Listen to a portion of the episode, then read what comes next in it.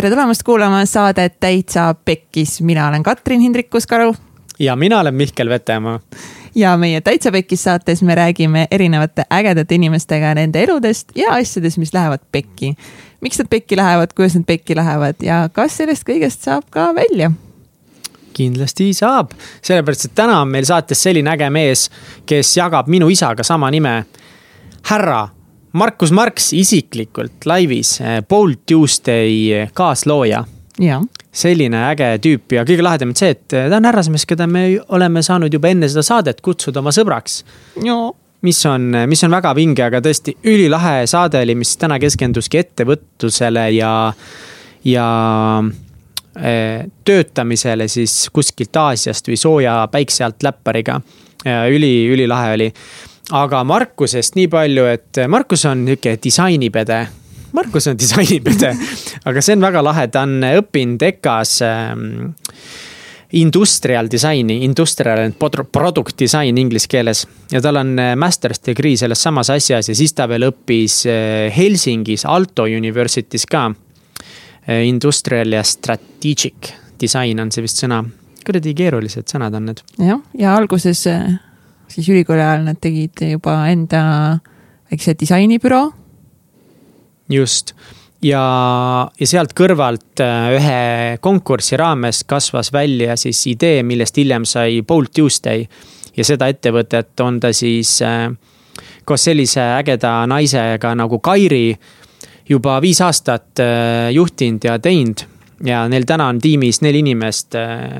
Kairi, Markus, Markuse elukaaslane Hanna-Liis ja Brenda.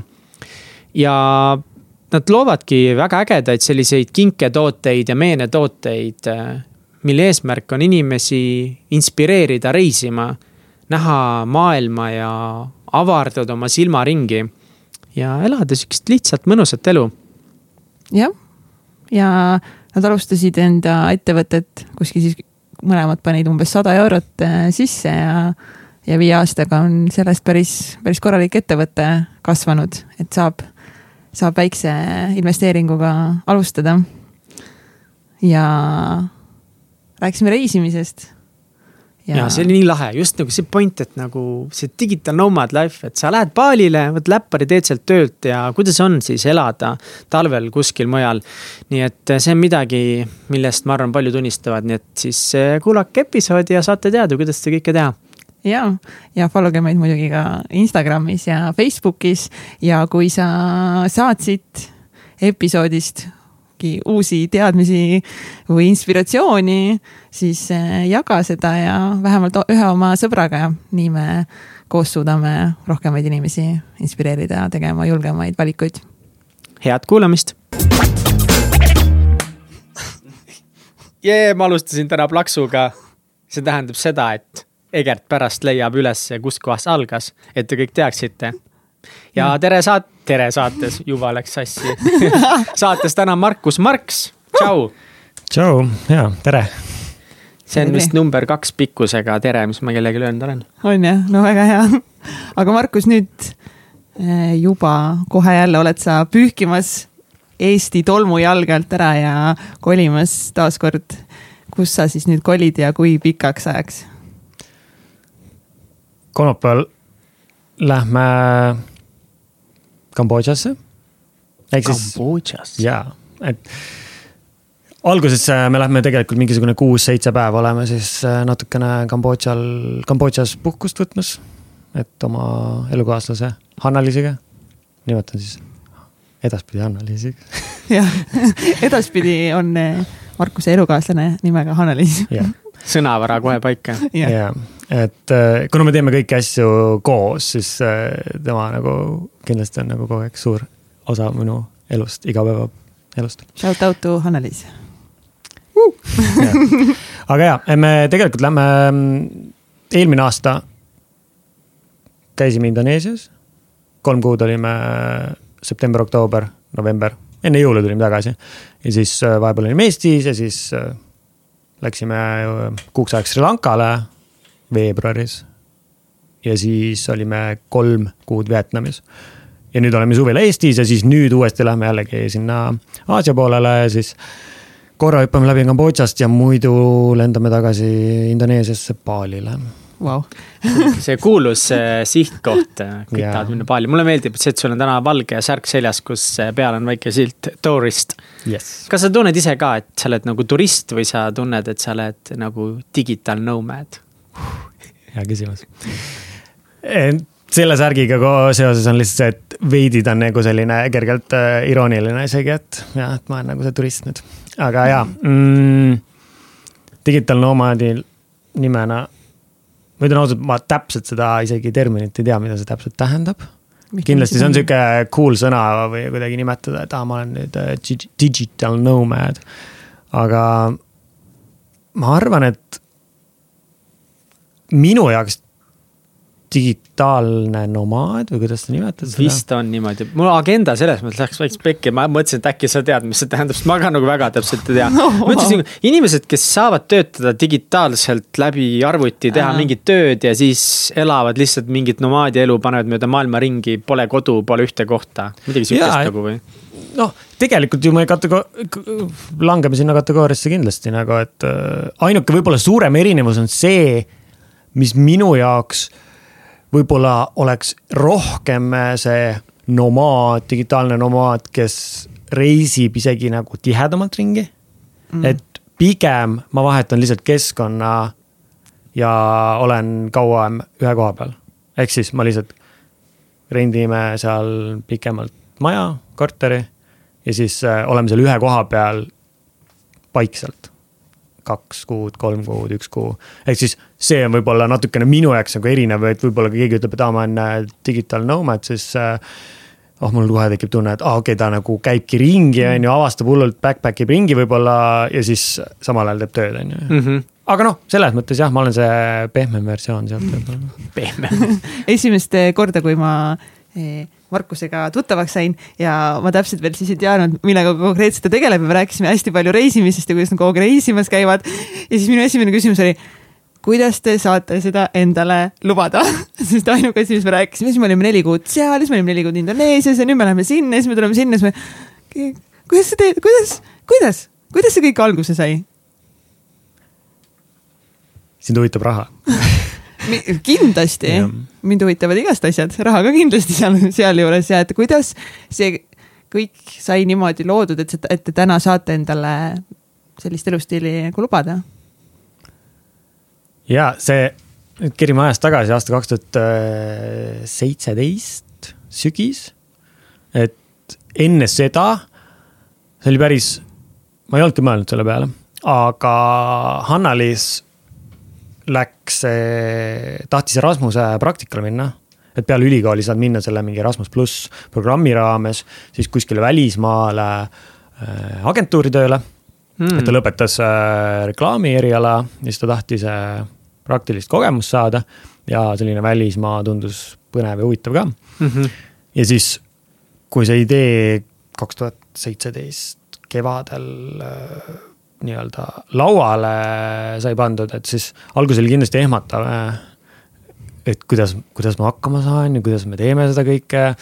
ja siis äh, kuna ma teen ju ettevõtet ka teise partneriga, et siis äh, ka tema jaoks oli see sihuke hirmutav kergelt võib-olla, et kuidas me üldse hakkama saame sellest aga mis see plaan siis alguses oli, et ta tahtiski minna, ta tahtis kui minna kauaks kuueks kuuks vähemalt. ja kuhu kohta? äh, erinevad valikud olid alguses, et äh, lõpuks me maandusime Barcelonas, okay., aga meil oli valikus vist ka korraks, kui ma ei eksi, siis äkki Saksamaa. aga ja, et pigem juba, et kuhu, kui minna, siis natukene kuskile soojemasse sellisesse huvitavamasse kohta. ja siis äh, see valik langeski sinna Barcelona peale, sest et seal oli tal kaks varianti, et kuhu minna, millise, millisesse agentuuri ja siis tundus nagu väga loogu, loomi-, loogiline ka, et ma lähen kaasa. et ma ei kujuta ette, et ma, okei okay,, teeme mingi kaugsuhte või äh, me oleme ju aastaid koos olnud, et kuidagi, et ja, ja, ja see kergelt ju oli tagakuklas ka, et jah, see on võimalik. et tegelikult ju vahet ei ole, kus ma olen, aga lihtsalt ma pole seda kunagi teinud. mm. -hmm. ja september kaks tuhat seitseteist me esimest korda ära lendasime nii-öelda pikemaks siis mujale töötama. ehk siis mina läksin lihtsalt kaasa, tegin seal oma igapäevatööd ja siis Hanna-Liis käis agentuuris igapäevaselt tööl. ja me olime tegelikult kokku seal üheksa kuud. päris pikalt, no kuidas see välja tuli?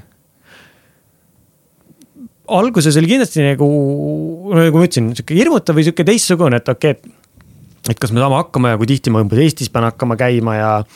aga tegelikult isegi ja nüüd ka kõik edaspidised äh, pikemad reisid, kus me oleme tööd, elame mujal ja töötame, siis äh, isegi ma ütlen, et see tuleb paremini välja või nagu väga hästi tuleb välja, sellepärast et sa oled väga kontsentreeritud, fokusseeritud seal. sul on palju vähem ka selliseid ähm,, kuidas sa nimetad? segavaid faktoreid. segavaid faktoreid jaa, tegelikult, et noh muidugi see on ühelt poolt ju hea, on ju, kõik need sõbrad ja perekond ja, ja sündmused on ju, aga seal oled sa selles mõttes ju võõras pigem on ju ja, ja siis me pigem oleme kogu aeg Anneliisiga koos ja, ja kuidagi oled väga nagu tööle orienteeritud pigem tegelikult isegi rohkem. ja jah, ja siis me olimegi kuni kevadeni olime seal, et ja siis lõpus viimase niisuguse maikuu, viimased kaks nädalat, siis võtsime ka sellise. Vahepeal me käisime ka nii-öelda reisimas seal Hispaania poole peal ringi ja käisime vahepeal Marokos ära ja. aga, aga hiljem siis võtsime nii-öelda kaks nädalat viimase sihukese Lõuna-Hispaania ringreisi tegime või sellise täitsa tavalise puhkuse yeah.. aga kuidas see töötamine, esimest korda välismaal töötamine mm. välja tuli, et kas sa pidid tegema mingi protsessi üles ehitama, et kuidas nüüd ma teen niimoodi, et, et sul oli partner, kas teil töötajaid ka sel hetkel oli või tegite kahekesi? Tol hetkel oli veel ka turundusinimene, kes mm -hmm. siis äh, kahe tuhande seitsmeteistkümnenda aasta lõpus siis äh, äh, lahkus ettevõttest mm, -hmm. aga et jah, põhimõtteliselt, et siis ähm,. kolmekesi? põhimõtteliselt olime kolmekesi, jaa. põhimõtteliselt olite kolmekesi nagu kuidas sa peaksid kokku võtma nüüd selle, et, et kuidas sa üles ehitasid selle niimoodi, et sa ei, tekkinud mingit kaugust teie vahel, et nemad hakkasid oma asja ajama, sinna oma asja ja te nagu olite ettevõtte edasi? Meie teema on selles, et äh, kuna meil on koostööpartnerid, kes tegelikult ju tegelevad nii-öelda füüsiliselt mingite asjadega, mingi ladustamise, väljasaatmistega, komplekteerimistega, siis selles ei ole nagu üldse probleemi, et äh, võib-olla pigem sellised koosolekud ja mõnikord on ju teinekord selline silmast silma rääkimine parem, sest et mhm. sa lisaks sellele, et sa räägid, sa tegelikult ju näed kõiki neid ilmeid ähm,, kuidas inimene reageerib ja noh, kõik need väiksed nüansid ju annavad juurde tegelikult sellistele mm koosolekutele, asjadele. aga samas mingisugust sellist erilist ülesehitust nagu ma ei mäleta, et nagu oleks olnud, et, et pigem oligi just see, et, et just selline, et millal me koosolekut teeme ja panime paika siis näiteks need nädalakoosolekud ja kuukoosolekud. ja meil on tihti tege-, juba, juba mi-, juba ammusest ajast on tegelikult olnud seda, et äh, meil on ära jaotatud pigem, et kes millega tegeleb. et seetõttu me ei pea dubleerima üksteise tööd ja kuidagi. aga kas see välismaal elamine sundis nagu rohkem sind kuidagi nagu fokusseerima oma ülesannetel ja nagu tõestama, et ma teen oma asjad ära.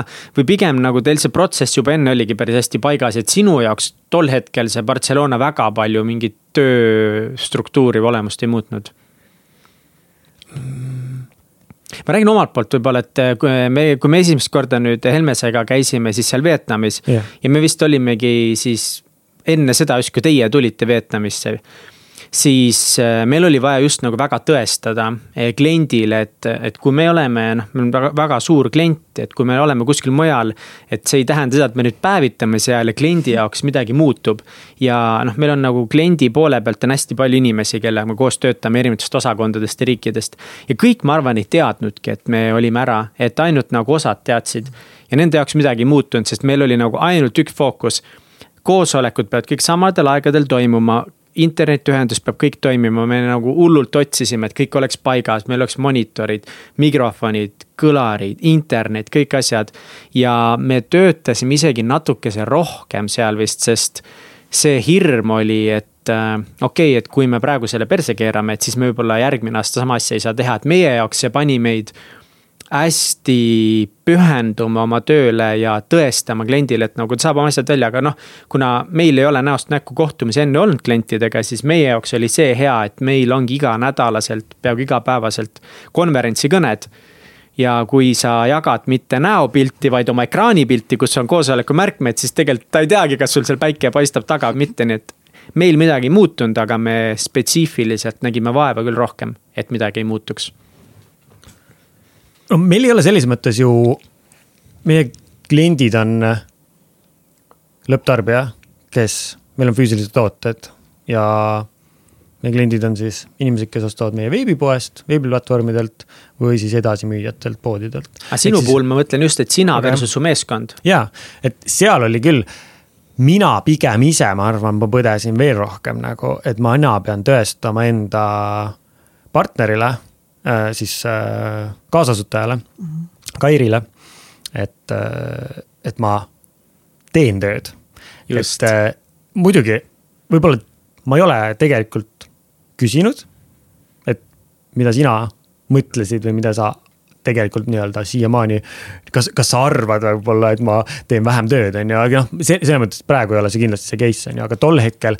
ma arvan, et meil mõlemal oli selles mõttes omapoolsed hirmud, et, et mina tundsin, et mina pean näitama veel rohkem, et ma olen pühendunud, teen tööd ja kuidagi olen fokusseeritud, et noh, Hispaanias seal Barcelonas muidu peesitad ja jalutad seal palmi all ja selline, kindlasti seda oli ja, ja ma, ma nüüd ma ei saa Kairi eest rääkida, aga ma arvan, et ka temal oli selles mõttes siuksed hirmud ja see on normaalne. see nagu igal pool on ju, et väga paljudel ja, ja me, meil ei ole üldse suur ettevõte, et nagu. et kindlasti tekib see tunne, et võib-olla teine peab siis rohkem rügama ja, ja, ja kuidagi nagu ebavõrdsus on ju, aga samas. ma arvan, et see oli just tegelikult isegi hea. et äh, me tegime siukse katse ära nagu esimest korda siis Hispaanias Hispaaniasse minnes nagu. ja nüüd ei ole see kindlasti mingisugune nagu probleem. aga kas teil olid seal, kas võtsid endale mingi kontori või kuidas sa enda tööelu seal nii-öelda üles seadsid? kodus et äh, ja selles mõttes sihukest co-working space'i rein-, laua rentimist ja asja tegelikult me siiamaani ei tee.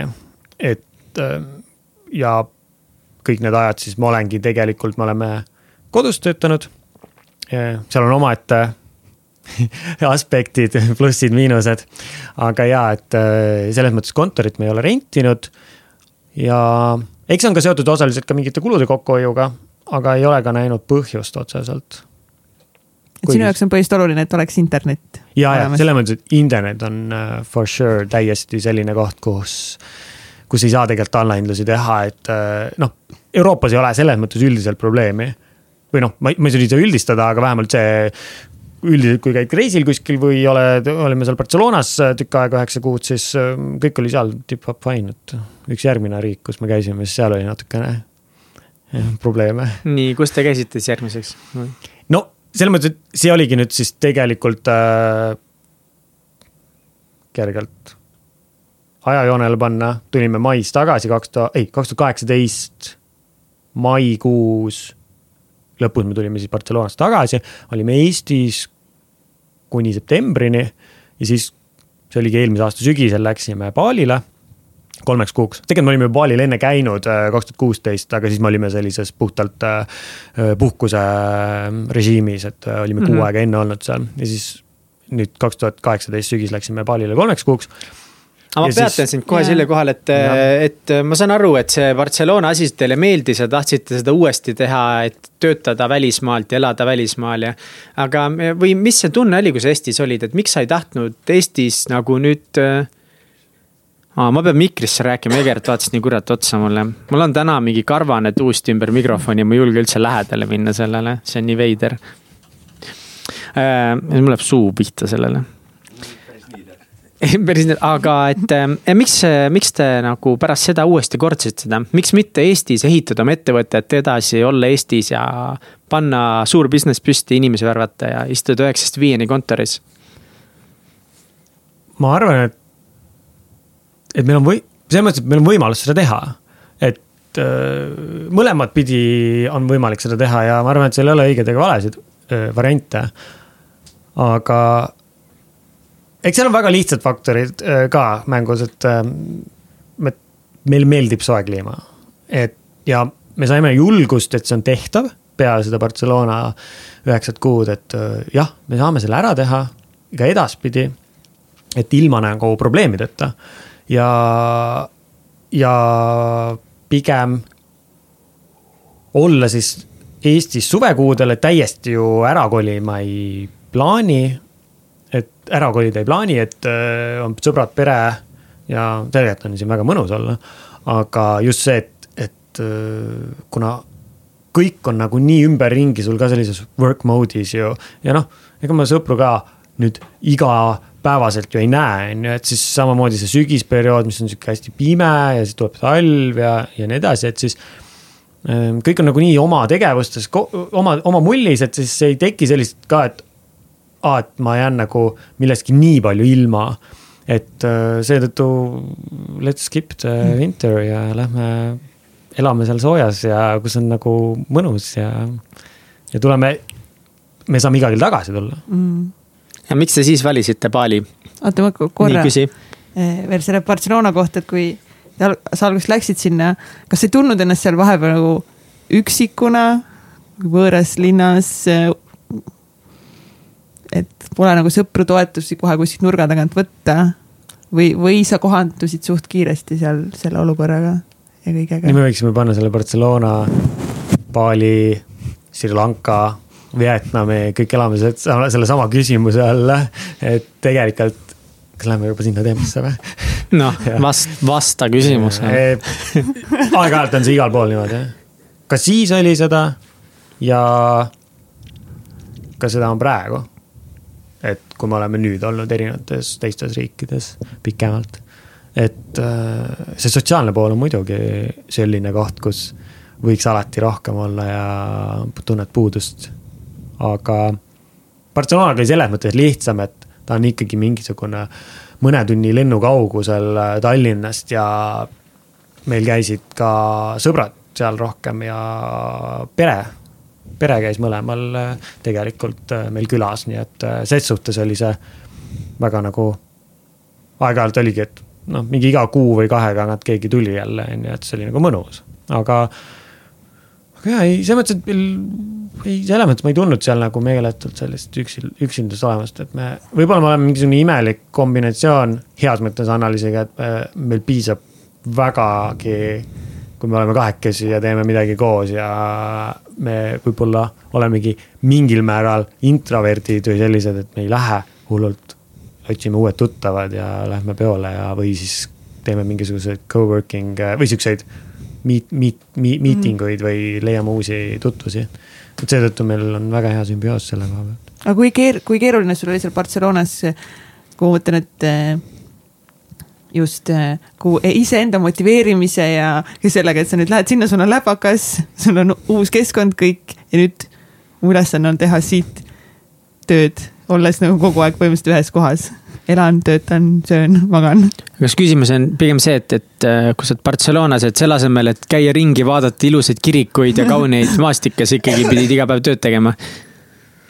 aga seda me saime nagunii teha, et selles mõttes, et õhtud on sul ikka vabad, võtad nädalavahetusel vabaks mm,.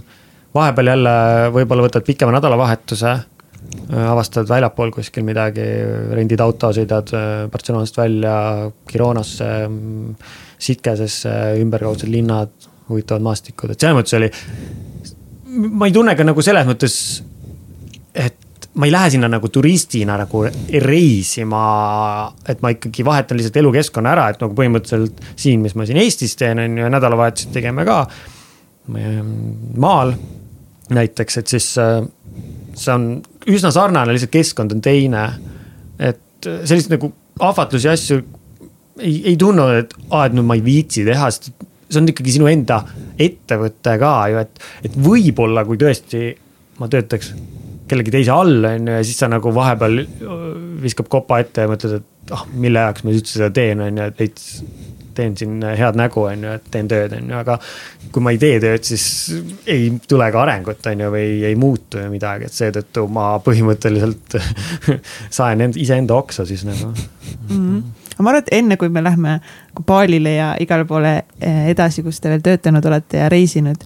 et võib-olla, et kuulajad saaksid paremini aru mis, mis meil üldse toimub, siis äkki peaks rääkima üldse, kuidas sa alustasid oma seda ettevõtet, mis lubab sul täna reisida niimoodi ringi ja teha ja teha tööd üle, üle terve maailma. et äkki räägid, et kuidas sinust üldse sai ettevõtja? see on selles mõttes huvitav küsimus, et see, ühelt poolt see tuli täiesti juhuslikult mingil määral, et see, ega paljud asjad ju juhtuvad kogemata võib-olla. aga ja, et, et kuna mul on äh, tootedisaini haridus Eesti Kunstiakadeemias olen õppinud, et siis meil on äh, seal, tähendab, see seltskond on üsna selline väike ja käivad läbi ja tehakse koos erinevaid projekte just klientidele näiteks äh, tudengina oli sul võimalik teha mingisuguseid kooliprojekte, pakkuda klientidele päris lahendusi, et siis me. Janno, kes on siis, ma tõmban kriipsu peale korra, natuke läheb sassi, läheb keeruliseks. kõik, kõik läheb sassi. kõik läheb sassi siin meil. tee on katki. inimesed lähevad meelest ära, tulevad juurde kokkuvõttes oli see, et lihtsalt, et äh, tegelikult me üritasime alguses paari inimesega teha väikest disainibürood. Äh, kõik olid sellised entusiastlikud noored. ülikooli ajal jah? ja mm, -hmm. ja tegelikult siis nii-öelda mõni oli juba ülikooli lõpetanud, et ähm, ehk siis kolmekesi, mina, Janno ja Kairi. ehk siis Janno ja Kairi olid koos või on koos siiamaani ka ja tegime, katsetasime, et ah teeme sellist, äh, proovime nagu disainibürood luua, et kes pakubki siis tootedisaini teenuseid erinevatele ettevõtetele. mõned projektid me tegime, aga siis oligi, et kaks tuhat kolmteist kevadel oli ka üks disainerite konkurss, kus siis taheti saada kinki meestele. oligi meeste asi, oli nimi ja vabad käed, et millised need võiksid olla, mingid väiksed aksessuaarid või mingisugused tooted, mis võiksid. Äh, probleem on alati, et noh, meestel on võib-olla keeruline kinki leida. et äh, mingisugune disainobjekt või mingi asi. siis äh, no näiteks on ju. aga. mulle võib õlut kinkida. me tegime erinevad seal variandid ja üks oligi siis tegelikult üks plakat kümme mehetegu kus siis äh, see oli sihuke kleebis materjalist, kus sa said oma äh, kümme mehetegu ära täita, ehk siis seal olid lahti kirjutatud erinevad äh, variandid, et olen näiteks ujunud. Mm, jääkülmas vees või jääaugus oli vist. ja siis oli, olen läbinud Tartu maratoni, kandnud kikilipsu, viinud ämmale lille, mingid sellised asjad, et siis et sul on kümme tegu ja siis sa, kui sa selle teo ära teinud, siis sa tõmbad selle lahti ja siis see jääb sul seina peale nii-öelda nagu, et äh, näe, ma olen sihukest asja teinud. ja, ja me ei, selle au, selle võiduga või võitu me ei saanud. Ähm, mingisugust auhinda me ei saanud. Äh, ja, aga meil oli selline entusiasm selle koha pealt, et okei okay,, aga paneme siis disainipoodi müüki. et teeme oma kuludega mingisugune paar tükki, on ju täiesti nagu bootstrap imine selle koha pealt, et ise ehitasime, keevitasime, noh, piltlikult öeldes, et. Äh, ja tol hetkel oli ka väga vähe disainipoode üldse Eestis, et äh, kaks tuhat kolmteist suvi oli siis juba. et äh, ja kuna meil olid kontaktid olemas, et siis me saime need tooted sinna panna müüki. ja müüsime nii-öelda, ma ei tea, üks-kaks tükki kuus aga noh, läks, on ju, inimesed ikkagi kuidagi tundis huvi, on ju aga jah, et siis sealt põhimõtteliselt see oli see esimene alge, mis me praegu siis, kus me praegu, kus me siis, sealt hakkas see võib-olla see pihta, kus me praegu siis oleme, on ju. ehk siis äh, plakat sai tehtud, aga üsna kiirelt meil tekkis tunne, et aa, okei okay,, aga, aga proovime seda edasi, et äh, what if, kui me nii-öelda keerame selle ümber, et me tahaks nagu reisimisega seot-, siduda seda, et äh, ja siis selline, tekkis selline sõnum või mõte endal ka peas, et noh, et tead ise ka ei jõua reisida, on ju, et võiks teha siis mingeid asju, vaata, mis nagu veits utsitavad ennast ka nagu rohkem minema ja niimoodi. et selline irooniline, et teed tööd, aga samal ajal öö, üritad öelda, et mine reisima, aga samal ajal ise ei lähe reisima ja noh. jah, ja siis sealt nagu tegelikult tuli esimesed paar maailmakaarti. ja me tegime seda tegelikult ma läksin kaks tuhat kolmteist sügisel, ma läksin Aaltosse vahetusüliõpilaseks, Aalto ülikool disaini eriala peal. kus see on? Helsingis. Helsingisse. ja, et siis äh, olin seal sügisel, noh natuke niimoodi niped-näped seal nagu toimetasime niimoodi õht-, õhtuti. aga läks sihuke aastake mööda, et siis kaks tuhat neliteist sügis me siis otsustasime, et nii, teeme seda nagu täisajaga. et me näeme siin potentsiaali ja mis oli see hetk, mis pani teil nagu, mille peale sa said aru, et okei okay,, et võiks proovida nagu, et kas oli nagu mingi konkreetne asi, mis kuidagi trigerdas selle, et davai, proovime nüüd või lihtsalt ajapikkus järjest rohkem hakkasid huvi tundma selle kohta? ma tagantjärgi vaadates, eh, ma arvan, et me olime õigel ajal õiges kohas ka, õige tootega.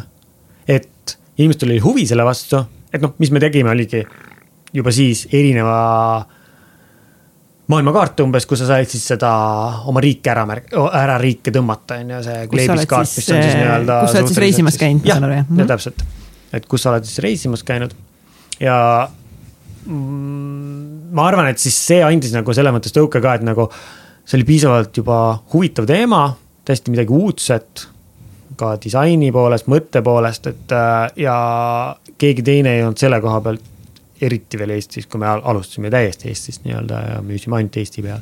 et siis äh, ei olnud seda plakati teemat ka üldse või postri teemat nagu olemas. et ma arvan, et me olime lihtsalt sihuke tühi, täitsime tühimiku ära, et. mingit sihukest strateegilist sellist, et okei okay,, see on nüüd see värk, et siit näha on, et tuleb nüüd on ju, ma arvan, et selles mõttes tol hetkel me nagu ise ei teadvustanud seda. Aga noh mi-, milles me see otsuse tegime, et okei okay,, et see, seal on jumet ja me lähme täiskohaga, oli see, et ikkagi me nägime, et me nagu suudaksime nagu seda kasvatada palju suuremaks. et meil oli juba siis... mingi väike käive olemas. nüüd, kui ma õigesti mäletan, siis äkki oli mingisugune noh, kaks tuhat neliteist meil oli kokku aasta lõpuks võib-olla mingisugune kakskümmend viis tuhat äkki või, käive aga see on suht palju juba no,. alustuseks. ma arvan, et see oli. aga, aga kui palju te müüsite nagu, kui, kui palju inimesi ostis neid, kui sa peaksid panema selle kakskümmend viis tuhat käivet nüüd äh, tooteid müüdud? see on raske küsimus, neid selliseid numbreid ma ei mäleta enam üldse, aga. aga no me räägime ikkagi mingitest. ma arvan, mingisugune äkki aasta peale äkki tuli mingisugune tuhat ühikut või. oota, kus te toona neid tooteid müüsite? Äh, meil oligi disainipoed, disainiturud või siuksed disaini, esimesed disainiturud, et äh, tekkisid juba, et äh, kuigi see oli alles mingi viis aastat tagasi, ütleme viis-kuus aastat tagasi, siis ähm, see oli üsna lapsekingades see kogu see disainimaastik nagu selle koha pealt, et yeah.. praegu kak... mõtled, Solaris on mingi disainipoode täis igal no,. kaks tuhat kaksteist oli põhimõtteliselt üks disainipood veel, see oli Vabaduse väljakul New Nordic mis tunne oli, kui inimesed reaalselt, kui, kui sa vaatasid tagasi mingit, mida fuck, et inimesed on aasta otsa ost, ostnud tooteid, mida meie lõime, kui sa nagu esimest korda hakkasid saama seda tagasisidet. et inimesed ostavad midagi, mida sa lood.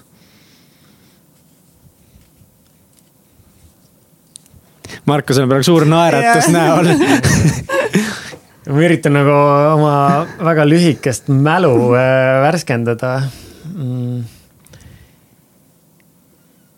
selle ma arvan, noh, ma nüüd võib-olla võimendan, aga muidugi see on selles mõttes lahe tunne ju, et okei okay,, et midagi täiesti nullist sa lood. ja see läheb inimestele korda. see läheb peale. sa näed, et seda ajakirjanik kirjutab sellest väikse artikli. sa näed seda kuskil väikest nupukest kuskil portaalis. sind võetakse kaasa kuskile Eesti disaini messile kuskile Londonisse umbes. sellises stiilis, et, et see kindlasti tekitab nagu põnevat, et okei okay,, et kuhu me saame veel minna sellega ähm,. ja, et konkreetselt ma ei mäleta nagu selles mõttes, mis emotsioon see oli. aga mis, aga mis disainibüroost sai, panite lihtsalt kinni? no see oligi selles mõttes, et kaks tuhat neliteist me nagu pidime otsustama, et okei okay,, et mida me siis teeme, on ju, et kas me paneme sinna nagu kogu energia sellesse ettevõttesse, mis siis toodabki tol hetkel ainult maailmakaarte, on ju.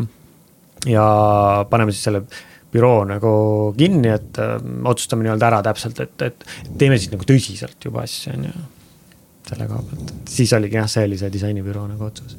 Läks pekki selle disainibürooga nii-öelda noh, selles mõttes, et alguses on põnev ju alati katsetada nagu ja sa ei tea kunagi, kuhu see välja läheb ja ega ma arvan, et noh mm, me ei, me ei, selles mõttes meil mingi süstemaatiliselt ei teadvust, ei, mõelnud läbi ka, et okei okay,, nüüd selle bürooga lähme nüüd äh, kümne aasta pärast on selline ja noh, et. et kuidagi lihtsalt teeme, nii lahe, et nüüd nagu, issand, mis see oli, viis aastat tagasi no viis aastat tagasi. viis aastat tagasi ja nüüd see, kuidas sa hindad oma viie, viit aastat, kas see viis aastat on olnud selline, nagu sa kujutasid ette, et saab olema?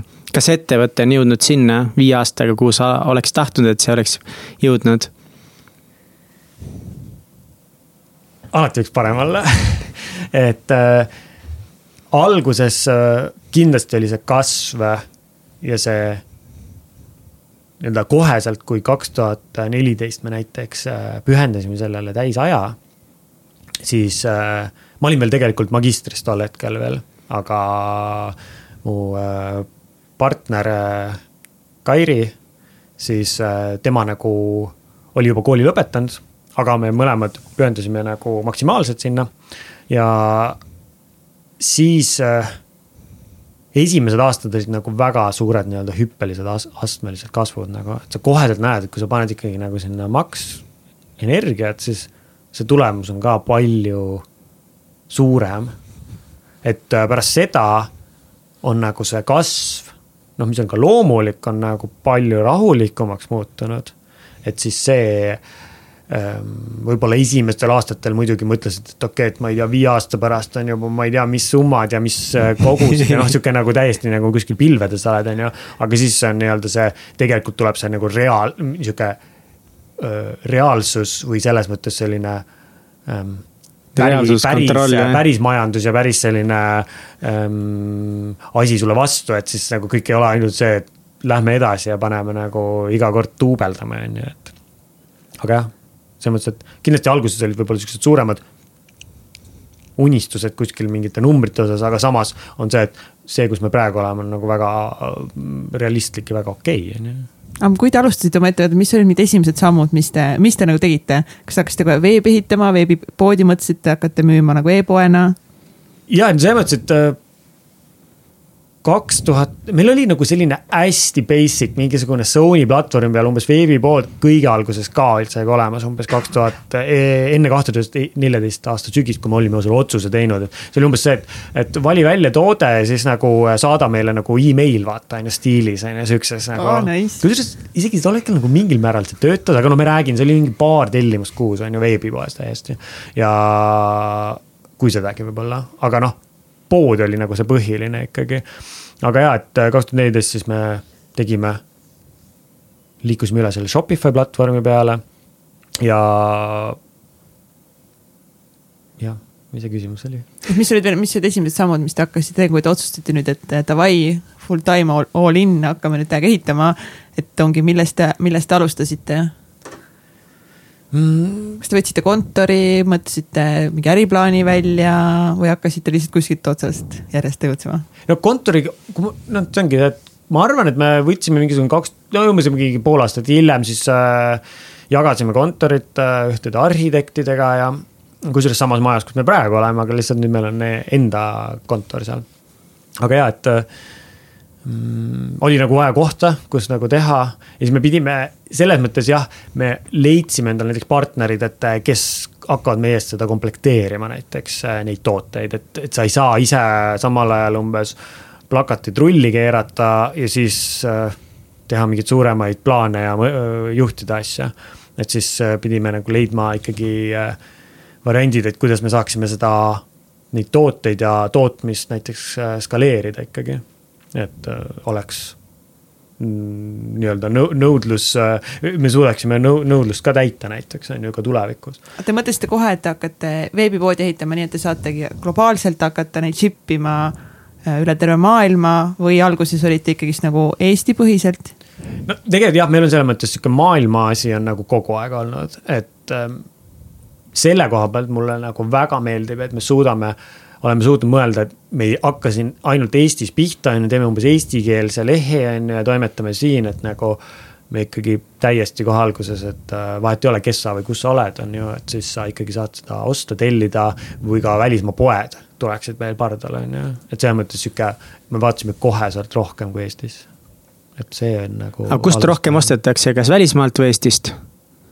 Ehm, veebipoes on täiesti näiteks äh, enamasti välismaa praegusel hetkel, aga, aga poe osas on, äh, ma hästi laialt nagu numbrid panen, aga mingisugune ikkagi eksport on seal sihuke viiskümmend, kuuskümmend äkki protsenti. nii et kogu toodangust täna läheb rohkem välismaale kui Eestisse? jah. ülikõva ju see on täiega lahe. ma kusjuures, ma nagu teadsin, et te müüte välismaale, aga ma arvasin millegipärast, et Eesti on nagu tugevalt äh, põhiturg.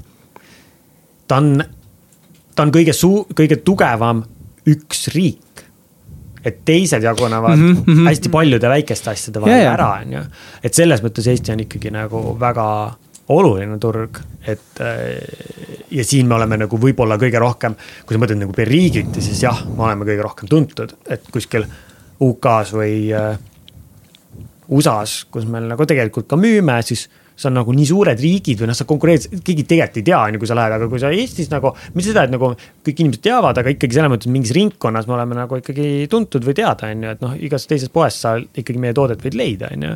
et selles mõttes Eesti on ikkagi number üks. see oli selles mõttes nii lahe, kui ma sinuga esimest korda tutvusin või kui äh, Jenny rääkis, et äh, et ta teeb eh, Hanna-Liisiga koostööd ja kuidagi me jõudsime sinuni, siis lihtsalt see äratundmishetk, no ma ei tea, ma arvan, et nii paljud eestlased on näinud ikka poodides neid mustasid, valgeid maailmakaarte ja ülipaljud on mõelnud nende ostmise peale, aga pole ostnud, näed, nagu mina, mina näiteks. sama, sama, jah. alati mõelnud võiks, aga näed väga piinlik Lähme ostma. aga nagu, nagu ongi, ma tahaks nii palju asju samas küsida, aga üks asi, mis mind tegelikult huvitab, on see, et sa oled õppinud tootedisaini, aga täna sa oled. Äh, mul, ma ütleks, et sa oma ajalt rohkem, kas sa oled rohkem nii-öelda ettevõtte juht või sa oled rohkem disainer?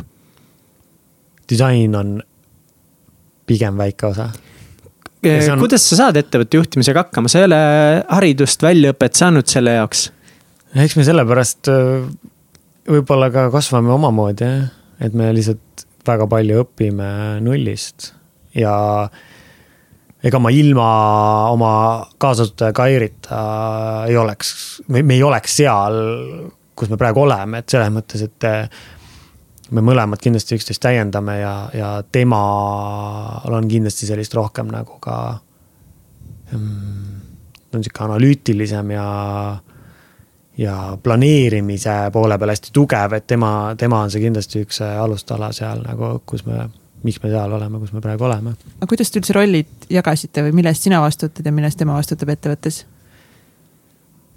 ma arvan, et see kujuneb kuidagi, kujunes täiesti selliselt äh, loomulikult, et äh, kuigi me teeme kõike nii-öelda selle koha pealt siiamaani natukene võib-olla kui on vaja, siis äh, üks teeb selle asja ära või, või anname üksteisele selliseid äh, sarnaseid ülesandeid, et selle koha pealt, et selline mix and match on ju, aga noh, näiteks ongi sihuke komplekteerimiste, logistika, materjalide pool on nagu puhtalt ja veebipoe osa on nagu puhtalt nagu minu peal, aga Kairi tegeleb äh, rohkem näiteks ka viimasel ajal disaini poolega, pluss kogu see poodide plokk ja selline planeerimine ja numbrid, et see on nagu tema poolel nagu rohkem, et, et, et kuidagi nagu sobib ja, ja ma arvan, et me ei ole nagu öelnud, et okei okay,, sina võta see, sest mina ei taha seda teha umbes stiilis, et noh, ma arvan, et. see on nagu ette võib-olla siukse nagu ettevõtete puhul, kes reaalselt mingeid tooteid loovad, siis tihtipeale need ettevõtte juhid tulevad sellest valdkonnast, nagu näiteks teil on nagu noh. Te loote tooteid, aga see on nagu sihuke disainitooted väga tugevalt olete disainiga seotud ja sa oled disainer ja nüüd sa just ütlesid, et. disain on asi, mida saad väga vähe oma elus teha, mõnes mõttes töö raames näiteks, siis et kas see kuidagi teeb sind kurvaks ka vahepeal? või kuidas sa suhestud sellega, et see on tegelikult väga väike osa nüüd kõigest sellest? ma arvan, et alguses oli rohkem, et äh, aga nüüd mida rohkem sa nagu kasvad ka ja rohkem tekib sul sihukest igapäevast sellist suhtlust ja mingit majandamist ja mingisuguste probleemide lahendamist, siis tegelikult äh, sellepärast on seda järjest vähem ja nüüd me oleme jällegi sellises faasis, etapis, kus me üritame võimalikult palju endale aega leida, et me saaksime tegeleda näiteks äh, uute toodete väljatoomisega. ja ma arvan, et äh, sellel aastal nagu me oleme olnud palju jällegi produktiivsemad, näiteks äh, mõnede uute toodete katsetamisega või sihukese testimisega. Äh, sest et äh, ongi, et paar näiteks, ma arvan, et mingi mõnel paaril viimasel aastal oli nagu võib-olla sihuke.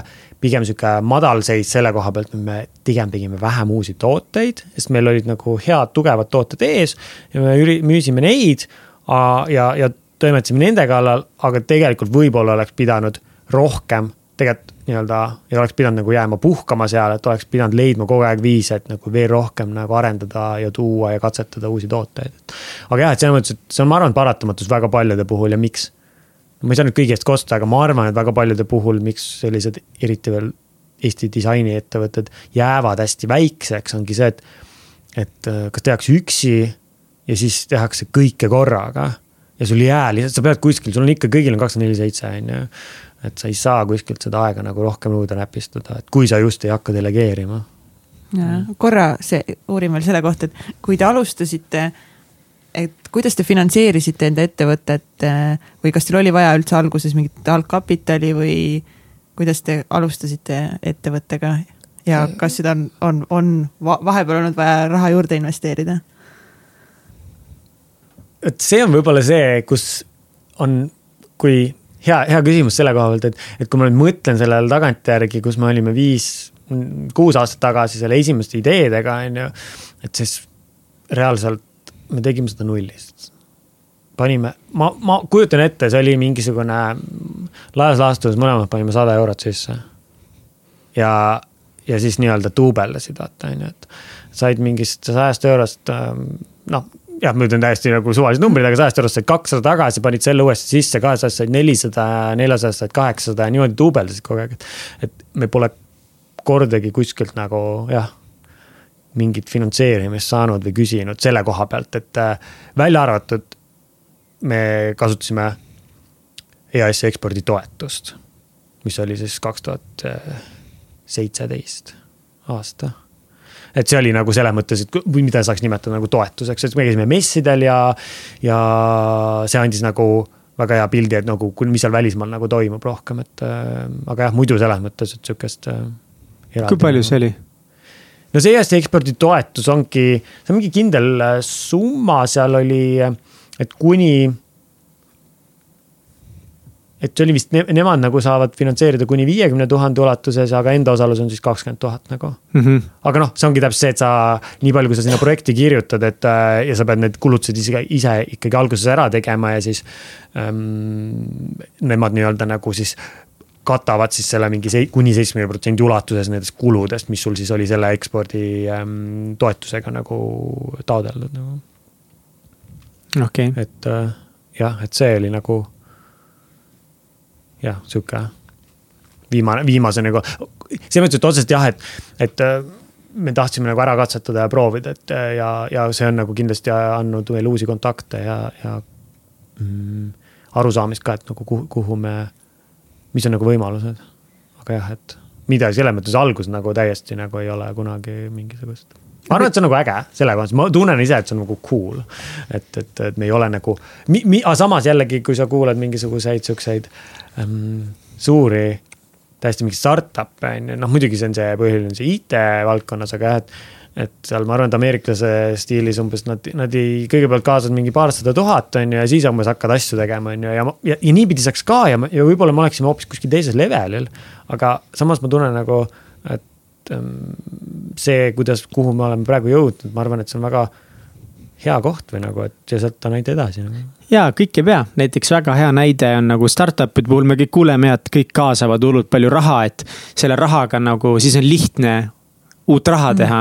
aga sihuke Eesti startup nagu Toggle, kes äh, loodan, et paljud teist kasutavad Togglit, kui ei kasuta, siis see on suurepärane tööriist oma aja jälgimiseks, mida kasutavad ettevõtted üle maailma ja nemad on täielikult bootstrap inud siis. ehk siis ise oma kuludega hakkama saanud ja võttis kaua aega, ma ei tea, kümme aastat või kui pikalt nad seda projekti tegid, alguses samamoodi teiste asjade kõrvalt. kuni täiskohaga ja nüüd see on kasvanud päris suureks ja on väärt päris palju raha. ja ohohoo, nad on sada protsenti selle ettevõtte omanikud kui seeläbi näiteks Bolti, Transferwise'id, sellistel ettevõtetes omanikud tavaliselt hoiavad kakskümmend, kolmkümmend prossa.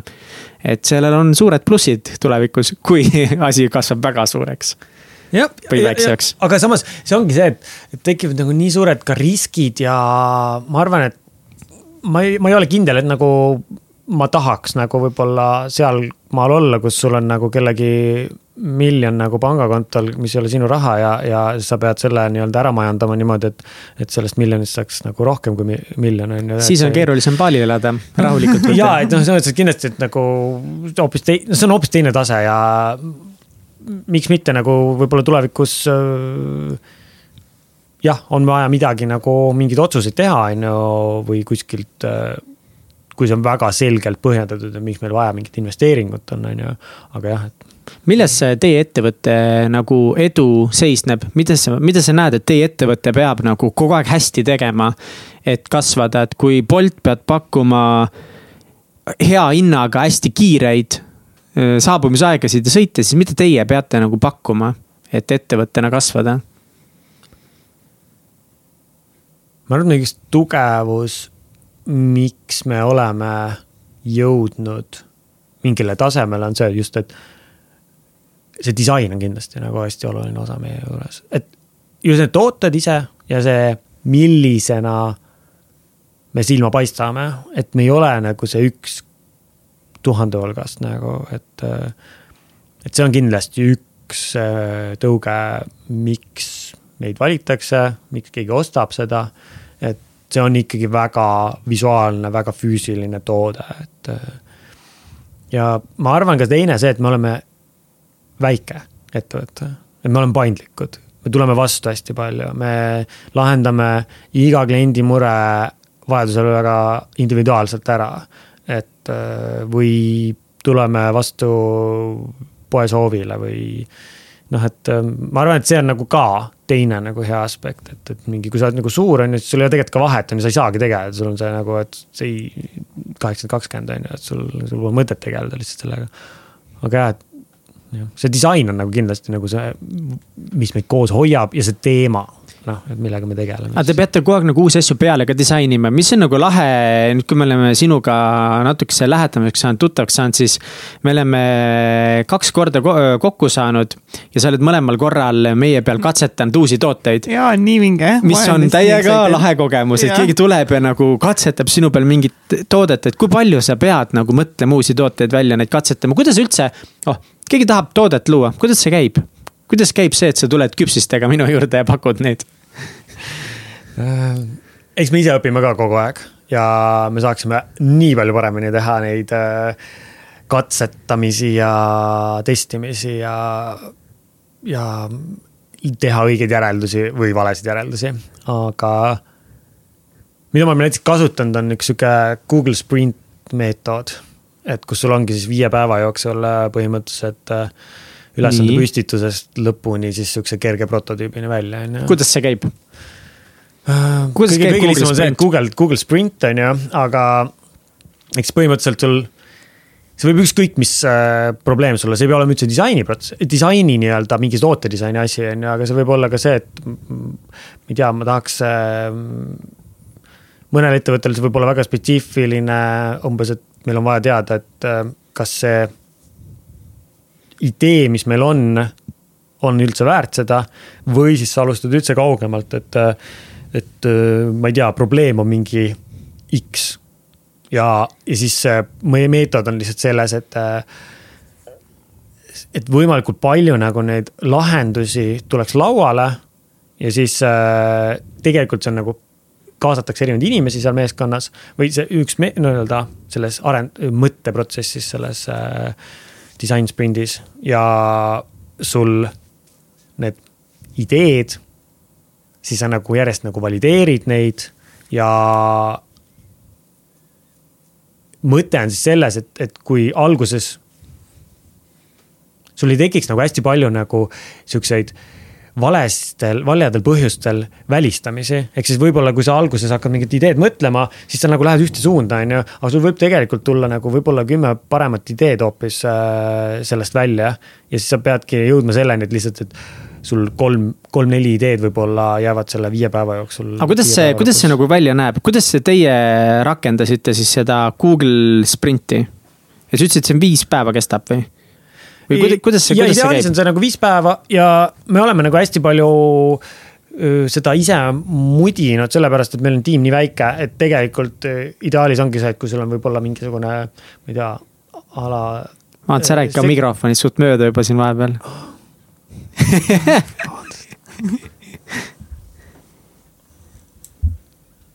nii.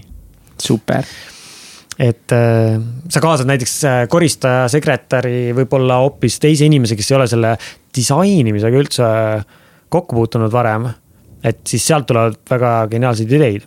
ühesõnaga, et sa pead alguses mõtlema välja idee, sa pead viis päeva jutti seda inimeste peal katsetama või äh,? ei, katsetad hoopis viiendal päeval ah,. okei okay,, aga mis esimesed neli päeva teed? esimesed neli päeva sa jõuad selleni, mida sa hakkad katsetama. kuidas oh.?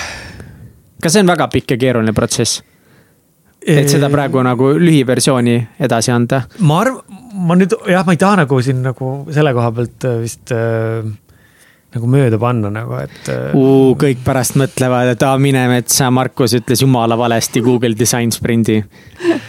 Aga... sul on alati õigus äh, saata pikalt mind selle küsimusega ka, ma lihtsalt tuletan meelde no ideaalis ma saadaks pikalt selle selle sprindi osas nagu tegelikult. aga kas see on midagi, mida sa soovitad inimestel uurida selle kohta rohkemat, et kui mingit äh, ideed? jah, et selles mõttes, et äh, see on, ongi. ma arvan, et selles mõttes on nagu kasulik see ikkagi, et kasvõi see võib olla ka näiteks teie podcast'i puhul, et okei okay,, kuidas me saaksime mm, rohkem kuulajaid näiteks mhm. on ju, stiilis. ja siis, ja siis te teete selle protsessi läbi, on ju. ja siis sealt peaks nagu ideaalis tulema nagu viie päeva pärast mingisugune prototüüp, mingi äh,, mida te saaksite siis nii-öelda testima hakata, see on mm. nagu see minimum viable äh, product on ju. Mhm. ehk siis äh, see võib väga basic olla, aga te saate väga kiire sellise jah-ei vastuse on ju, okei okay,, kas see idee, mis meil oli, on ju, et kuidas neid saada, on ju, noh, sealt tuleb nagu järjest nii-öelda nagu lehter, on ju, et see läheb järjest kitsamaks, on ju, alguses alustad täiesti kuskilt äh, aiaaugust, on ju, ja lõpetad nagu selle ähm, võib-olla käegakatsutava asjaga, on ju, see ei pea olema füüsiline asi, see võib olla ka mingi teie puhul mingi platvorm või ma ei tea, mida iganes, on ju. Mhm. et või siis on mingisugune, ma ei tea, näitad pilti ja näe, mis sa arvad sellest, on ju, et ähm, aga sa pead selle nii-öelda reaalselt ära testima, et see mõte on nagu selles ja see ajaraam ongi see on hästi kontsentreeritud, sa ei saa sealt mingisugust valmis asja, on ju, aga sa saad väga kergelt nagu asja käima. ja kiire tagasiside. ja kiire tagasiside ja siis väga sealt cool. juba hakkad nagu edasi noh, mõtlema, et okei okay,, kas me teeme uue sprindi on ju sellesama idee põhjal ja lähme nagu kitsalt edasi või, või sa ähm, oled juba selle ära valideerinud ja nüüd lähme nagu nii-öelda järgmisse faasi on ju, minu puhul siis ma ei tea, hakkame nii-öelda erinevaid disainilahendusi katsetama või mis on olnud äh, kõige suuremad äh,, alati küsime seda, aga nagu alati inimesed ei oska vastata, aga mis on sinu jaoks olnud kõige suuremad väljakutsed või mõned äh, siuksed väiksemad või suuremad pekkiminekud, mis teil Bolt Tuesday'ga olnud on?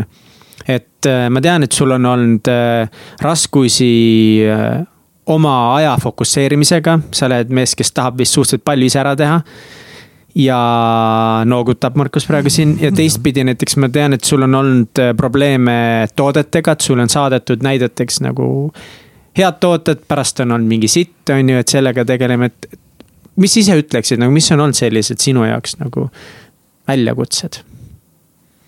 ja, et seal ongi kaks eri asja, et üks on siis see väljakutse ongi leida nagu see balanss töö ja elu või eraelu vahel mm, -hmm. et äh, kuna kõik see on seotud siis sellega välismaal töötamisega või üldse nagu, et sa teed, sa oled iseenda ettevõttes töötaja, on ju, ka, et siis äh, hommikus, hommikust saab õhtu ja kuidagi nii-öelda lõppu ei näe selle koha pealt, et ülesandeid tuleb järjest peale, on ju, ja, ja see ongi normaalne ja väga nagu põnev, aga samal ajal mingil hetkel lihtsalt nagu võib-olla jookseb see juhe kokku ja nagu kuidagi noh, on häid ja halvemaid, paremaid ja halvemaid päevu. milline näeb välja üks halvem päev um,? siis, kui pea hakkab täiega ikka huugama nagu, et äh, sa mõtled, et päeva lõpus mõtled, et ma ei saanud nagu midagi ära tehtud nagu. nagu tegid nagu terve päev ära, mingi üheksa tundi lased. kuus-üheksa tundi, vahet ei ole palju, on ju. ja, ja siis mõtled, et oota, aga homme on täpselt samamoodi nagu. Ja siis nagu see, see on see halb tunne, et sa ei, sa ei tunne nagu seda reward'i, sa ei tunne seda, et sa mm. tegid mingisuguse asja ära et sa ei saa seda enda jaoks nagu kiitust või mitte, mitte teistelt kiitust, aga just seda, et sa ei tunne, et sa nagu midagi saavutasid. et sa ei ole kuidagi iseendaga rahul nagu. ja, ja, ja sihuke asi ja siis noh, ja siis samal ajal nagu tahaks nagu asju muuta. aga samal ajal sul on aega, sul on vaja võtta aega, et neid asju hakata muutma. Et kui sa tahad mingi ülesande kellelegi või mingi ploki mingeid asju ära anda, siis keegi ütleb, et aga anna ära, aga siis, kui hakkad selle peale mõtlema, siis sa tunned juba, et see on juba nagu omaette töö, et hakata seda ära andma. aga samas see on nagu investeering mõnes mõttes Just. tulevikku ju, et sa pead, võtad selle aja, on ju, et sa hiljem seda aega enam siin rohkem ei paneks just, aga samal ajal sul on kümme ülesannet äh, ukse taga, mis on ka vaja ära teha ja siis nagu jookseb see kõik nagu kokku ja siis tekibki selline veits paanikatunne.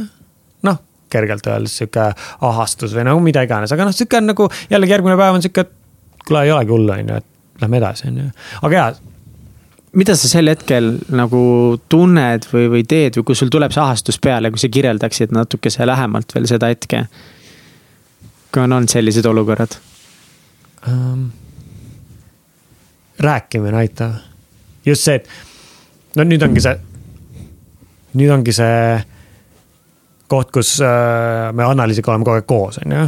et äh, ta praegu on ka meie ettevõttes Äh, tööl, et äh, või aitab meil nii-öelda ettevõttes turunduse peal.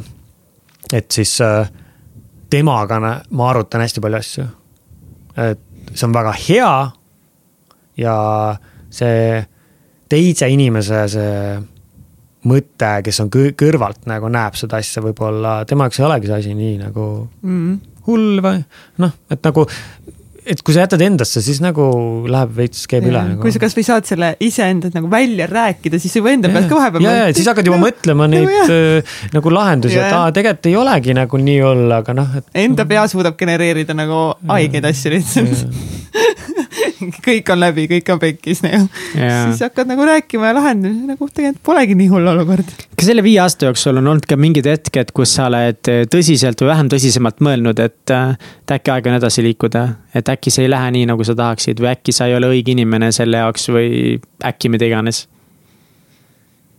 kui ma ütlen ei, siis ma valetaks et äh, neid hetki ikka tuleb, vähe, aga ikka on tulnud nagu ja, ja ma arvan, et see on normaalne.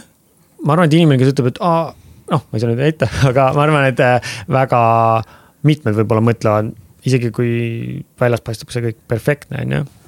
ja muidu ongi nagu väga hea, aga, aga mingitel hetkedel jah, selles mõttes mõtled, et nagu just see, et võib-olla tundub, et kas mina olen see kõige õigem selle asja tegija. või siis on see, et nagu mingisugune sihuke imeline ootus on kuskil peas, kuigi see on see, et aga miks sul sihuke ootus üldse on nagu pandud mingi eesmärk suurem, on ju, ma ei tea, olgu see siis mingi number või äh, mingisugune suurem siht, on ju, aga siis. tegelikult keegi küsib, et aga kas sa nagu oled selle nimel nagu siis eraldi nagu. plaani pidanud või oled sa siis nagu selle poole püüelnud, siis tekib, aa tegelikult ma ei ole, on ju, ja siis siis sa ei saa ka enda peal nagu tegelikult pahane olla või nagu selle koha pealt, et sa unusta siis see nagu enda see mingi visioon või see number seal peas ära, on ju, mille peale sa pärast pahane oled. mida sa ütleksid äh, inimestele näiteks just äh, alus, ütleme näiteks ettevõtjatele, kes tahavad ettevõtet teha või tahavad alustada ja kes tunnevad näiteks seda, et kurat, et ma ei tea, mina ei ole küll õige inimene, et seda teha või et üldse, et ma ei tea, kas mina olen õige inimene, et teha ettevõtlust mina arvan seda, et äh, seni, kuni nagu aeg võimaldab seda, selle koha pealt, et kindlasti mõni on rohkem hõivatud kui teine, on ju, ja. aga kui sul aeg võimaldab ja sul on mingi mõte olnud peas, et siis proovi ära vaata, on ju, et see on mingi, võta kasvõi see mingi kindel ajavahemik, aasta aega. mis see kõige hullem asi, mis saab juhtuda, on ju, okei okay, kui sa just ei pane sinna alla mingeid väga suuri summasid, on ju, aga noh, võib-olla sa oled valmis seda, ka seda riskima. aga ma arvan, et nagu tasub, väga paljud mõtlevad, et aa ah,, ma tahaks ka olla ja teha seda, on ju, aga see on see, et jaa, aga nagu tegelikult on võimalus. eriti veel meil, kes me oleme nagu, noh, väga paljud on selles mõttes ju noh, sul on ikkagi töö või sul on, äh, meil on nagu kodu ja selles mõttes, et meil on siuksed baasasjad ju olemas, on ju. ja siis on see, et kõik ülejäänud on juba sinu enda teha, on ju et ähm, ma arvan, et jah, väga lihtne ongi, et proovi vähemalt ära, et äh, siin ei saa nagu midagi nagu või siis leia mingi partner, et väga paljude puhul on ka see, et äh, kui ma vaatan kõrvaltki äh, mõned tuttavate puhul, et üksi on väga raske kindlasti. mõni on suuteline seda üksi tegema, aga ka mina olen selles mõttes team player selle koha pealt, et ma ei, ma ei ole selline äh, ähm, guru selle koha pealt, et ma suudaks üksi mingi asja käima tõmmata nagu. et sul on vaja seda suhtlust, sul on vaja ideid. ja teine on ka see, et sul on, kolmas on, sul on vaja aega. kellele ja siis sa saad nagu ära jaotada need asjad uh,. jah, tiim on nagu everything, ma olen täiega sada prossa nõus. absoluutselt üksi on nagu nii raske midagi. täna on... näiteks mul täiega nagu, mul oli nii sitt tuju täna, mul kuidagi nagu megakass oli peal. ja see on nii hea lihtsalt, et Kats ja Egert tulevad, võtavad mu auto peale, ma saan seal tagatooli peal lihtsalt mingi kuradi päev sakib, noh. selles mõttes oluline muidugi ka oma tiimiliikmetele võib-olla mitte nagu mingi pinnuks silmas olla, aga noh. saad ikka veits nagu öelda mingi vahepeal, kui sul on sitt tuju mm. -hmm. aga nemad tulevad siia, panevad asja püsti ja sa saad nagu veits praegu nagu slack ida, on ju, et sest. aga noh, natukesed me peame vahepeal olema üksteise jaoks olemas ja kui sul yes. tiimi ei ole. ja sul endal on nagu võib-olla väike downtime, siis on noh, väga suur äririsk. ja, ja üksi, üksi olles sa noh, just ongi need, ma arvan, see rääkimine, need mõtted, et teine inimene oskab nii palju paremini nagu öeldagi, et kuule, kas see on hea asi või on pigem halvem asi või siis arutate neid asju, et üksi nagu sa jäädki nagu üle mõtlema või siis mõtled, ah, ma ei hakka ju käima. Või noh, ja, ja teine ju ja sul tekib ka tegelikult mida iganes eluvaldkonnas, kui sa ikkagi kellegi teise eest natuke vastutad või nagu sul tekib vastutus selle koha pealt, et sa pingutad ka ennast ise rohkem ju et see on nagu see taganttõukav asi ka. ja ei ole nii lihtne alla anda, kui sa ikka koos midagi teed, siis ka see noh, sul on mingi vastutus on niivõrd palju suurem juba teha mingeid asju, jälle üks saab teist push ida ja teine push ib ühte ja. Ja selles mõttes on ikka koos vinge teha, nii et kui on vähegi võimalik, siis rääkige oma ideest ja leidke endale keegi, kellega koos teha. kindlasti, aga kas teie jagasite, te olete võrdsed partnerid firmas? Äh, ja, ja selles mõttes on meil, me olemegi kaks osanikku ja ei ole veel ära jaotanud seda kuskile investoritele kuidas teie töötajate, koostööpartnerite elu on olnud, et äh, teil on olnud äh,, kas teil on töötajaid olnud ka? jaa, tegelikult ka meil praegu on töötaja.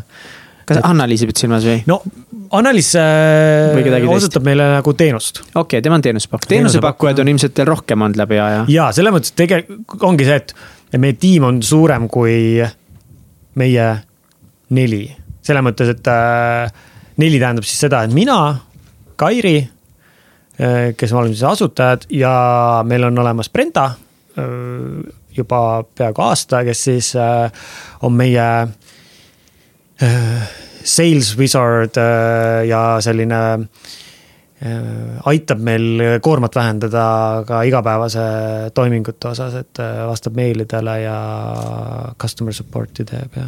nii palju, kui ma ise olen näinud äh, tuttavate ettevõtjate pealt, siis töötajate leidmine ja kogu see valdkond, töötaja ja koostööpartner on päris nagu mulle on mulje jäänud, et see on päris keeruline valdkond.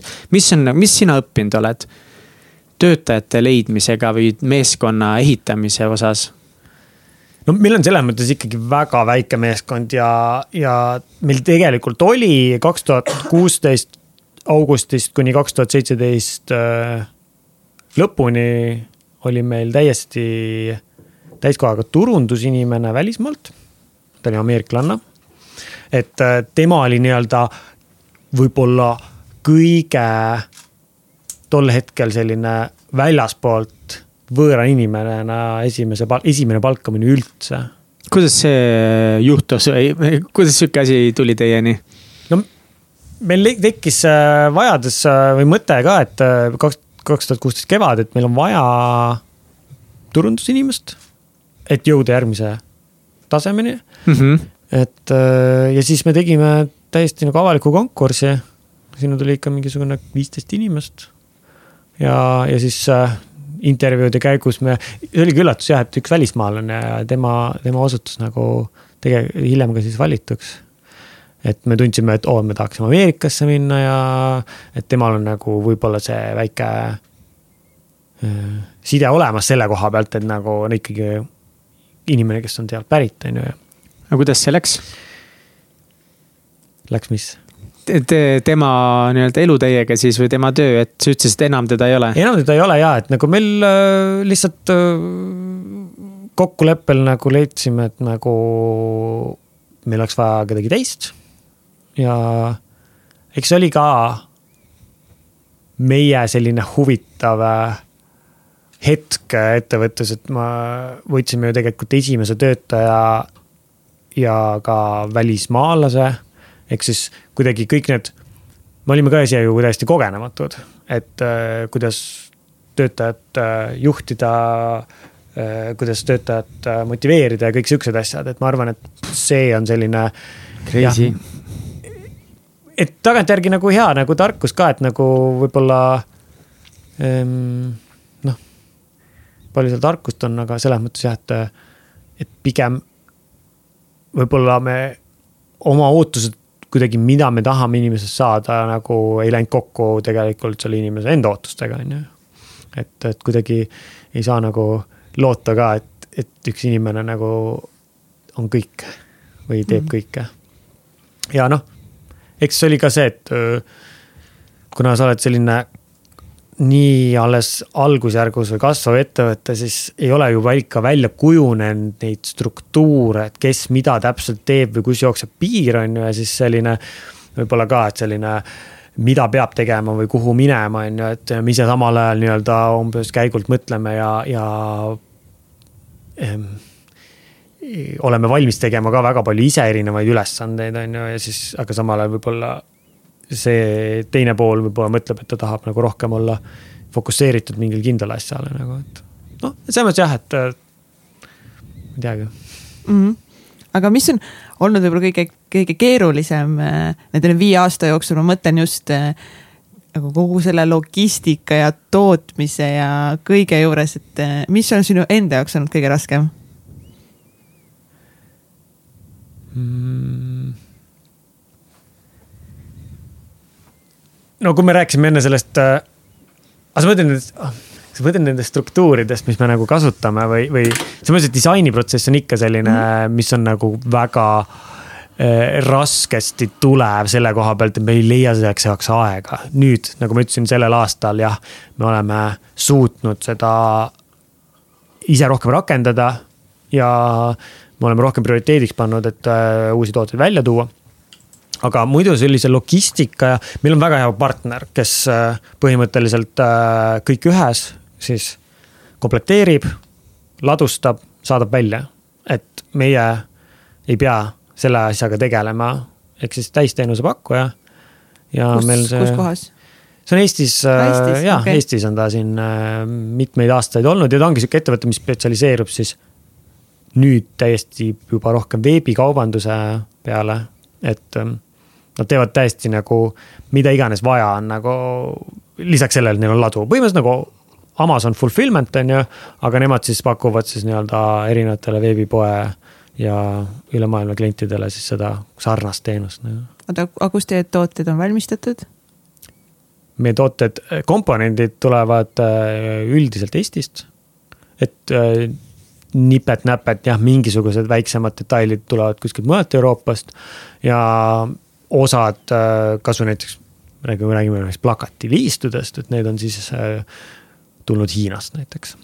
aga jaa, et selles mõttes, et enamus, kui me räägime põhitoodetest mm, -hmm. näiteks plakatitest, nendest postritest, siis need on kõik Eestis tehtud. meil on väga jällegi kindlad partnerid, kellega me tegeleme, kellega toimetame. aastate jooksul on nad väga heaks kujunenud või nagu ongi kogu aeg, on head olnud, et me ei, me ei plaanigi nagu. selles mõttes, hea ongi, kui sa saad eh, teha koostööd kellegagi, kes mõistab, saab aru, on kiire, kõik see. ja komplekteeritakse ka siis Eestis kas see, kas sul on, kas tead peast ka, mis on kõige kehvem toode, mis te teinud olete mis on kõige vähem müünud näiteks? ma tean nagu lahedaid tooteid, mis teil on, aga vastupidi mm,. võib-olla mingid hästi spetsiifilised tooted, et sa ei saa öelda, et see on kehv, on ju, aga lihtsalt võib-olla, et me on väga raske sinna õige sihtgrupini jõuda. aga just siuksed mingisugused äh, UK või äh, Londoni või USA postrid, mis meil on, on ju, et äh, nad on hästi spetsiifilised ja seda tarbibki see konkreetne mingisugune hulk inimesi, kes on sellega seotud, selle riigiga näiteks. et äh, see võib-olla on nagu võib-olla siuksed. Aga kõige edukam toode? kõige edukam toode on meil, kusjuures alguses oli üks ja nüüd on teine, et äh, kui me enne juba mainis, mainisite seda kleebiskaarti, kus saab üleni must ja siis sa saad tõmmata neid riike ära. et kuna me alustasime ka sellega, et siis see oli täielik hitt, on ju, et äh, ja siiamaani on selles mõttes. riigiti näiteks äh, Eestis on see väga heal tasemel või väga kõrgel tasemel. aga, ja see oli tükk aega nagu täiesti top, aga nüüd viimasel aastal kahel on tegelikult list of countries plakat, mis on siis valgel taustal äh, suuruse järjekorras olevad riigid, et äh, paneb siis maismaa või pindala järgi kõige suuremast kõige väiksema riigini, sada üheksakümmend kuus maailma riiki. alustab Venemaast ja siis lõpeb Vatikaniga. Ja see on täiesti vaieldamatult nii veebipoes kui ka üldnumbrites täiesti number üks. palju teil üldse tooteid erinevaid on? Äh, meil on erinevaid nüüd juba mingisugune paarikümne ringis. aga sellised äh, põhitooted, mis on äh, ja müüvad nagu enamasti en,, enamus äh, nii-öelda enamus kogused liiguvad sealt läbi, on siis mingisugune mm, viie, kuue, seitsme kanti. nii et mu enda lemmik on ka see samas ja ma ei, see on jälle nagu hea näide sellest, tegelikult see on nagu selle, see on midagi nii lihtsat mm, -hmm. aga samas seal on nagu ta on midagi nii teistsugust, ongi see riikide nimekiri suurusjärjekorras, seda on nii lahe vaadata, ma lihtsalt vaatan neid, vaatan mm -hmm. riikide suurusi, siis ma lihtsalt olen. ma olen seda nii paljudes poodides näinud, ma nägin seal teie kontoris seda, kui me teil külas käisime ja see on, see on geniaalne, see on nii lahe. no inimestele meeldib see infograafika see, või see üldse, et see detailsusaste on hästi oluline tegelikult, et, et see on midagi täiesti teistsugust ka, noh, me, me püüamegi midagi plakatite poole pealt ka teha midagi sellist, mida keegi võib-olla enne ei ole teinud. ja see on nagu õnnestunud meil sada kümme protsenti selle tootega, et see on ähm, midagi sellist, kus paneb nagu inimese mõtlema, ta on nagu hariv, samal ajal põnev ja samal ajal on ta selline. lisaks kõigele sellele on ta hea väljanägemisega plakat. ma tahan Balist ka nüüd kohe rääkida, ma vaatan, kell on varsti ka sealmaal juba oh,. mida? nii et ma tahan äh, Paalist, tahan, ma tahan Paalist rääkida. räägime Paalist, Kats, kas me, kas me lähme räägime Paalist? ja, ja lähme. Lähme Paalile, oota, nii ähm, äh,. Kõik, äh, nii paljud inimesed käivad Paalil, miks te otsustasite Paalile minna? ma tahan nagu aru saada, mis värk selle Paaliga on see on huvitav jah, ma. tegelikult neid kohti, lahedaid kohti on ju väga palju jah. aga me käisime Hannalisiga kaks tuhat kuusteist, kui me olime esimest korda kuu aega. siis kui te olite puhkusel on ju. siis kui me käisime puhkusel, ähm, kaks tuhat kuusteist juunis käisime, et siis see oli meie, kusjuures esimene Aasia trip üldse, kahekesi, et siis äh, see jättis nii hea nagu kustumatu mulje et äh, ma saan aru, et on nii sihuke ära leierdatud võib-olla või sihuke, et aa jällegi Bali on ju, aga me me tihti avastame ka selliseid kohti, mis nagu võib-olla jäävad sellest peatänavast nagu eemale. mis ei tekita seda, et aa, see on nagu nii turistikas või nii äh, sihuke juba viskab üle tasemel, et. et seetõttu me alati leiame selle loodusliku aspe-, looduse aspekti või selle kohaliku aspekti seal. Äh, ükskõik, kus me siis käime ja Bali puhul samamoodi, et, et kuidagi midagi selles oli. midagi nii erilist, just see, need inimesed, see kultuur, see usk et äh, see on kuidagi nagu sa tundsid, et sa oled oodatud sinna. kui sa, kui te läksite nüüd esimest korda sinna nii-öelda töötama et kolisite sinna natukeseks ajaks elama, nii-öelda tavapärast elu elama, töötasite ka seal, kuidas see nagu läks, kas, kus sa töötasid, et ma ise vaatasin Balit just hiljuti läbi, et seal on päris palju siukseid co-working space slash kohvikud. ja üldse väga palju erinevaid viise, kuidas, kuidas teie lahendasite selle, kus te tööd tegite, kust internetti saite, kus te elasite?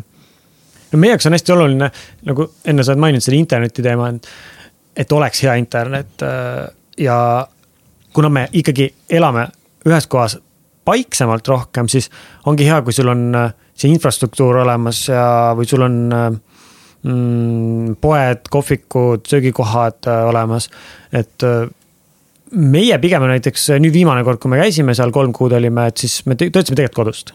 Vahepeal käisime ka kohvikus töötamas, leidsime siukse täiesti mõnusa kohaliku perekohviku, kus olime praktiliselt võib-olla mõnikord täiesti kahekesi ainult et äh, hea internet oli seal ja mõnus äh, avatud äh, terrassiga nagu sihuke varjualune, et. et see oli nagu väga tore. aga jaa, et. kus te elasite? me. Airbnb või hotell või? Meil on selline süsteem nüüd välja kujunenud, et kui me lähme koha peale mm,. ükskõik, mis riigis siis me oleme olnud, et siis esimesed päevad me oleme nagu Airbnb-s.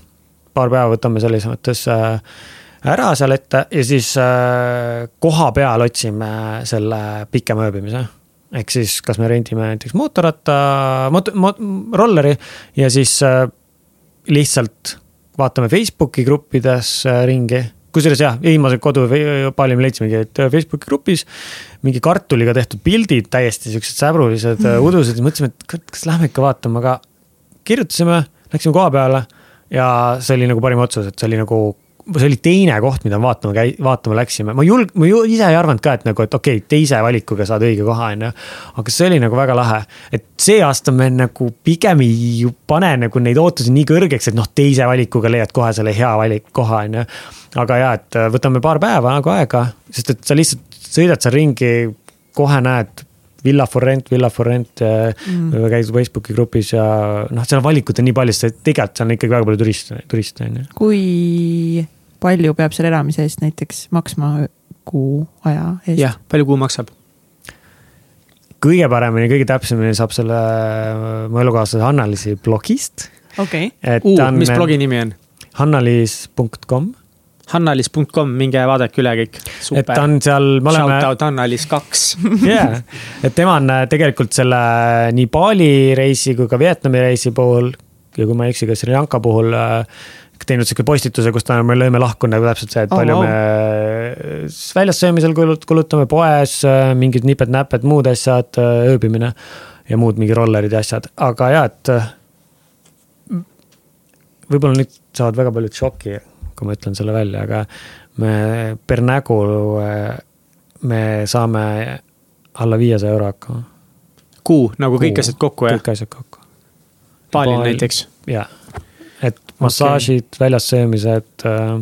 ja kui palju te väljas sööte, kord nädalas, iga päev, kaks korda päevas?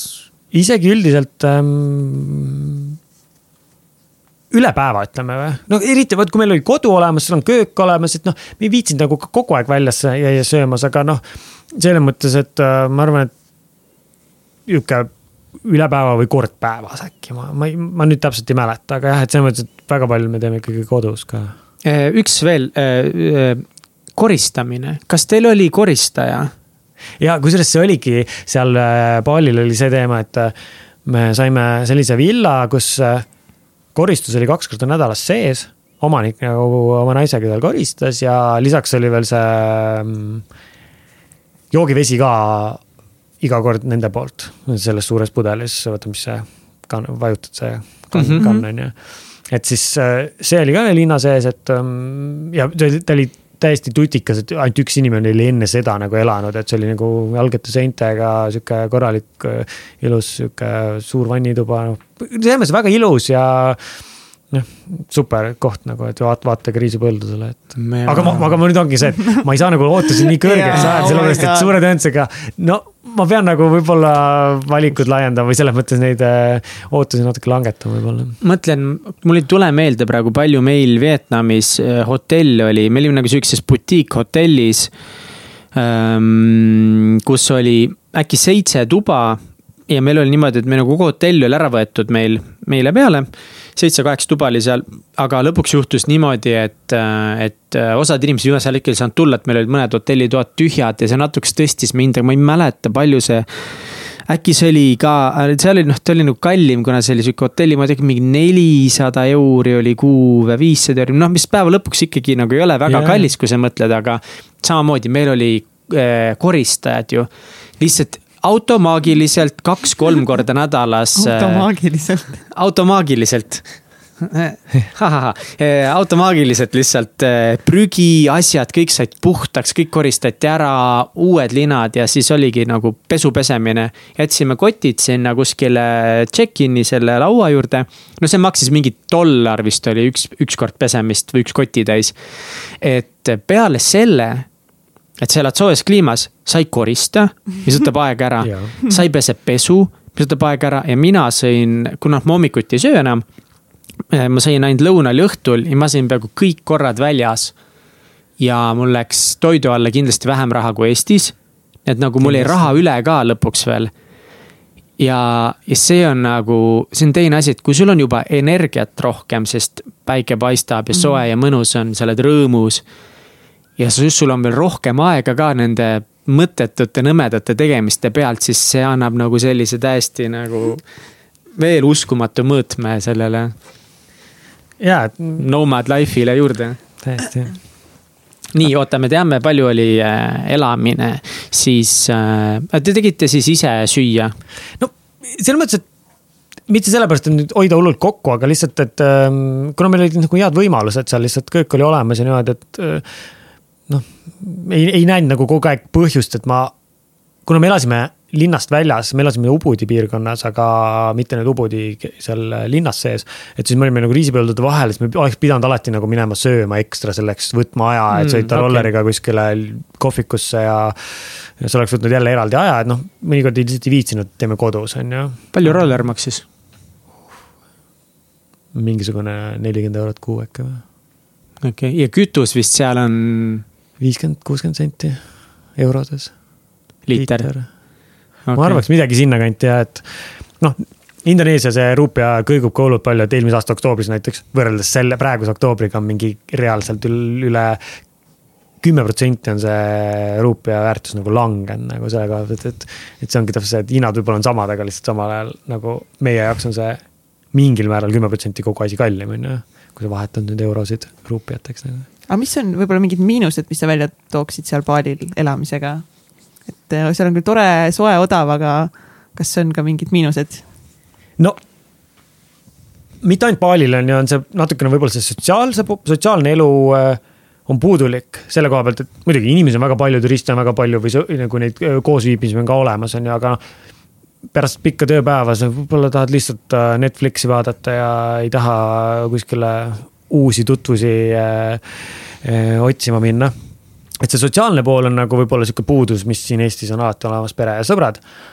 aga teine üleüldse, Vietnamis oli kusjuures parem see, aga Bali puhul äh, oli väga tugevalt seda tunda, et sa ei saa nagu liikuda jala hästi pikki vahemaid, meile meeldib Annaliisiga jalutada, me mõnikord jalutame Mustamäelt kesklinna, kui meil on vaja kuskil nädalavahetusel minna, et siis me lihtsalt saaksime liikuda, on ju, või, või lähme Nõmmele jalutame või mida iganes, on ju, siuksed äh, pikki vahemaid meeldib jalutada, aga Aasias on see päris tihti probleem, sest vaata kõnniteed puuduvad, on ju, eriti veel sellises veits maal piirkonnas, et siis äh, ainuke tee ongi see, et sa sõidad rolleriga või siis kuskil riisipõllu vahel, aga see riisipõld on sul võib-olla nelisada meetrit pikk, on ju. et noh, see on see millest ma puudust tunnen. et saaks nagu väljas olles rohkem jalutada mm., sa pead ekstra minema mingisse kohta mm., et siis seal jalutada, sest okay. need mingid rajad on olemas, aga noh, et meil siin lähed, astud uksest välja, siis kohe on nagu. ma ei teagi, jaluta ükskõik kuhu, on ju, et äh, see on nagu Danangis Vietnamis oli see päris okei okay.. ja, no see on linn jällegi on ju, et Bali puhul seal, seal on see yeah. linna puudumine või noh, me ei elagi nagu linnas sees on ju, et siis seal mm,. sul on need teed, on ju, aga siis sa kõnnid seal teepeenra kõrval ja siis on juba tossune liiklus ja natukene võib-olla ohtlik ja ebamugav ka, et see ei ole nagu mõeldud jalutamiseks on ju, või keegi ei kõnni on ju väga selliseid niisama, et lähme jalutame lihtsalt. aga mida, mis, kui need meie kuulaja praegu mõtleb selle peale, et ta tahaks ka proovida välismaal eh, töötamist. et mis oleksid sinupoolsed eh, nõuanded, paar tükki, et kuidas ennast ette valmistada või mille peale mõelda enne, kui seda siis reaalselt hakata ellu viima? no kui võimalus on olemas, siis see on juba pool võitu, on ju. aga kui no see sõltub natuke sellest ka, et nagu peaks kirja panema, et mis on sinu enda tingimused, on ju, et kas sa tahad. noh, arvatavasti internet peab olema alati väga hea, on ju, aga see, et kas sa, mis sportimisvõimalused sa, sul on vajalikud, on ju, või jällegi jälle, et kas, kui sa oled näiteks noor pere, on ju. siis sul on mingisugused muud tingimused võib-olla selle väikse lapsega kui meil, kes me oleme kaks noort inimest lihtsalt, on ju.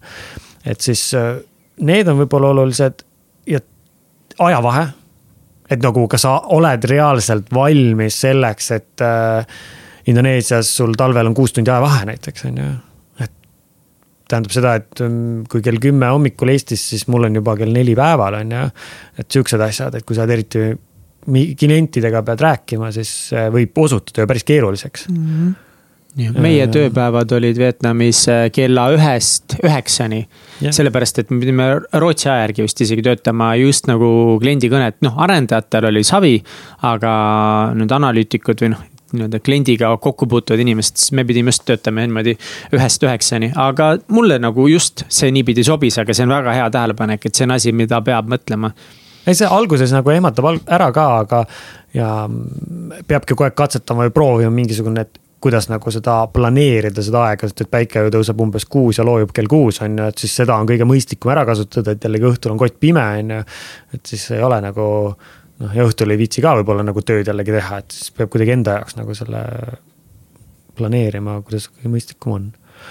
midagi veel mm.?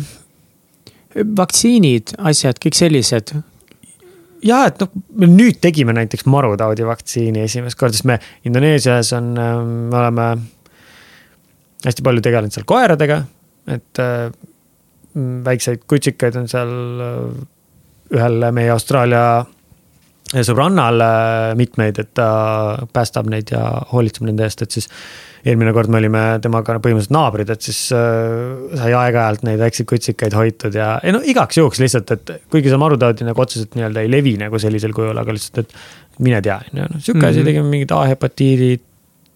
see, mis see on nagu see vere. Tegime ka A-hepatiidi, midagi tegime veel, aga ma ei mäleta. aga jaa. kõhu meil nagu vist kõik vähemalt korra said mingisuguse kõhuviiruse küll ära selle jooksul, et mis sellega nagu peavad vist paljud arvestama, ma ei tea, kuidas teil kogemus on? ma pean ütlema, et meil pole selle ühegi Aasia reisi jooksul, mis me oleme nüüd kordi ja kordi käinud, me ei ole kordagi ühtegi kõhuviirust saanud. ongi nii või? aga ma Apse. arvan, et see on natuke seotud sellega, et me oleme taimetoitlased ja, ja võib-olla küll äkki. mina söön jah munaga toite ka, aga üldiselt seal on nii lihtne olla taimetoitlane ja me ei söö mhm. liha, et siis. ma arvan, et see on nagu üks see põhjus, et siis seal igasugused need bakterid levivad võib-olla selle kaudu. kaua sa oled olnud taimetoitlane? ma olen nüüd neli aastat sai täis. okei okay,, aga miks, miks sa hakkasid taimetoitlaseks? võib-olla. väga lihtne põhjus. Hanna-Lees, kellega ma kohtusin äh, viis aastat tagasi, tema oli vegan. ja ma olen selle koha pealt väga leplik, et ma ei hakanud nõudma mingisugust, et ah, ma söön nüüd, mina pean liha saama ja ma ostan endale ise külmkapi liha, et. et kuidagi päevapealt lihtsalt, ma olin mingi, me olime pool aastat natuke peale koos olnud. ja siis ma mingi, okei okay,, ma proovin nagu. ja sellest ajast peale ma pole kordagi liha söönud. lihtsalt see on mugav, mitte seda, et ma mingi hullult ähm, võitleks nende loomade eest, kuigi see on nagu väga hea eetiline põhjus, on ju, aga väga alguses ma mõtlesin, et ah, tervise poole pealt, et okei okay,, et äkki ma tunnen ennast paremini, mm. on ju, kuigi ma praegu ei tea, vaata, kas ma tunneks ennast harvemini või paremini. Äh, aga jah, et kuidagi nii mugav on lihtsalt see, et kui sa koos teed süüa, on ju, ja mulle väga maitsevad taimetoidud ja Aasia on nagu selles mõttes super koht ka, on ju, et seal on nii lihtne neid. Seal tofu, äh, tempe, igasugused karrid, äh, nuudlid, riisid, noh, kõike saad, kõike taimetoidud. seal täiega head toidud. et.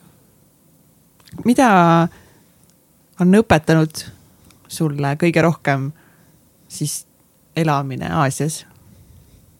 kas see on kuidagi sinu varasemat elustiili näiteks muutnud mm.? Õpetanud on seda tööalaselt, et äh, tegelikult ei ole vahet, kus ma paiknen, et äh, ma võiks minna ka Lõuna-Ameerikasse ja, või äh, ma ei teagi, kuskile Aafrikasse, et, et saaks hakkama. kui keskkond on selles mõttes sobiv töö, töö tegemiseks ja ei, ma ei karda nagu seda, et aa ah, okei okay,, kuule, järgmine aasta veits ei julge ikka minna, on ju, või nagu umbes, et ei saa ikka minna, et nagu ma olen võtnud selles mõttes enda elu osaks selle. Vähemalt praegusel eluetapil, et me lähme välismaale, muidugi me ei tea, mis järgmine aasta saab, näiteks järgmine aasta sügis niimoodi. aga praegu ma olen nagu iga kell valmis minema. ja Aasia osas on muidu nagu õpetanud veel seda, et et inimesed elavad nagu nii palju lihtsamini ära, õnnelikult, rõõmsalt. et ma ei saa nagu võrrelda seda, et aa, et, et meie oleme nagu paremal järjel näiteks, noh, väga paljud ju lääne inimesed on, on ju, võrreldes nendega, kuigi ka seal on ju rikkust palju. aga jah, et see, see on sihuke majanduslik, majandusliku heaolu on palju lihtsam seal aga samas on kõik õnnelikud, vähemalt tundub nagu selle koha pealt, muidugi seal on kindlasti ka väga palju probleeme. aga just see, et võib-olla minu, need mured, mis minul on, on nagu nii palju väiksemad või tühisemad, mis võib-olla neil seal jällegi on, on ju, et nagu. kuidagi sa nagu tolereerid ja sa oskad seda hinnata, seda kultuuri ja kõike seda poolt, et nagu avardab silmaringi ja sellepärast. Bolt just samamoodi on ju, me tegelikult nii-öelda see ala teadlik see sõnum võib-olla on ka see, et et minge avastage maailma, on ju, miks sa üldse reisima lähed, miks me ütleme, et minge reisima, on ju, keegi ütleks, et näe, aga nagu miks sa ütled, et ma lähen reisima, siis sa ütled, et, et. Et sa äh, avardad enda silmaringi, vaata, kuidas teised kultuurid elavad, vaata, mis maailmas toimub, et sa tuled palju nagu parema inimesena tagasi. et see on minu meelest see põhipoint, miks minna vahepeal ära ja siis tagasi tulla. kas see, see on pannud kuidagi teistmoodi mõtlema ka selle peale, et kui vähe asju tegelikult sul oh, on vaja? oo oh, jaa, täna, kui ma natuke juba pakkisin äh, asju ära, siis äh, ja panin nii-öelda oma neid ülejäänud riideid ja vidinaid kokku, mida ma ei kaasa ei võta, siis mul reaalselt on võib-olla kaks väikest kasti asju nagu.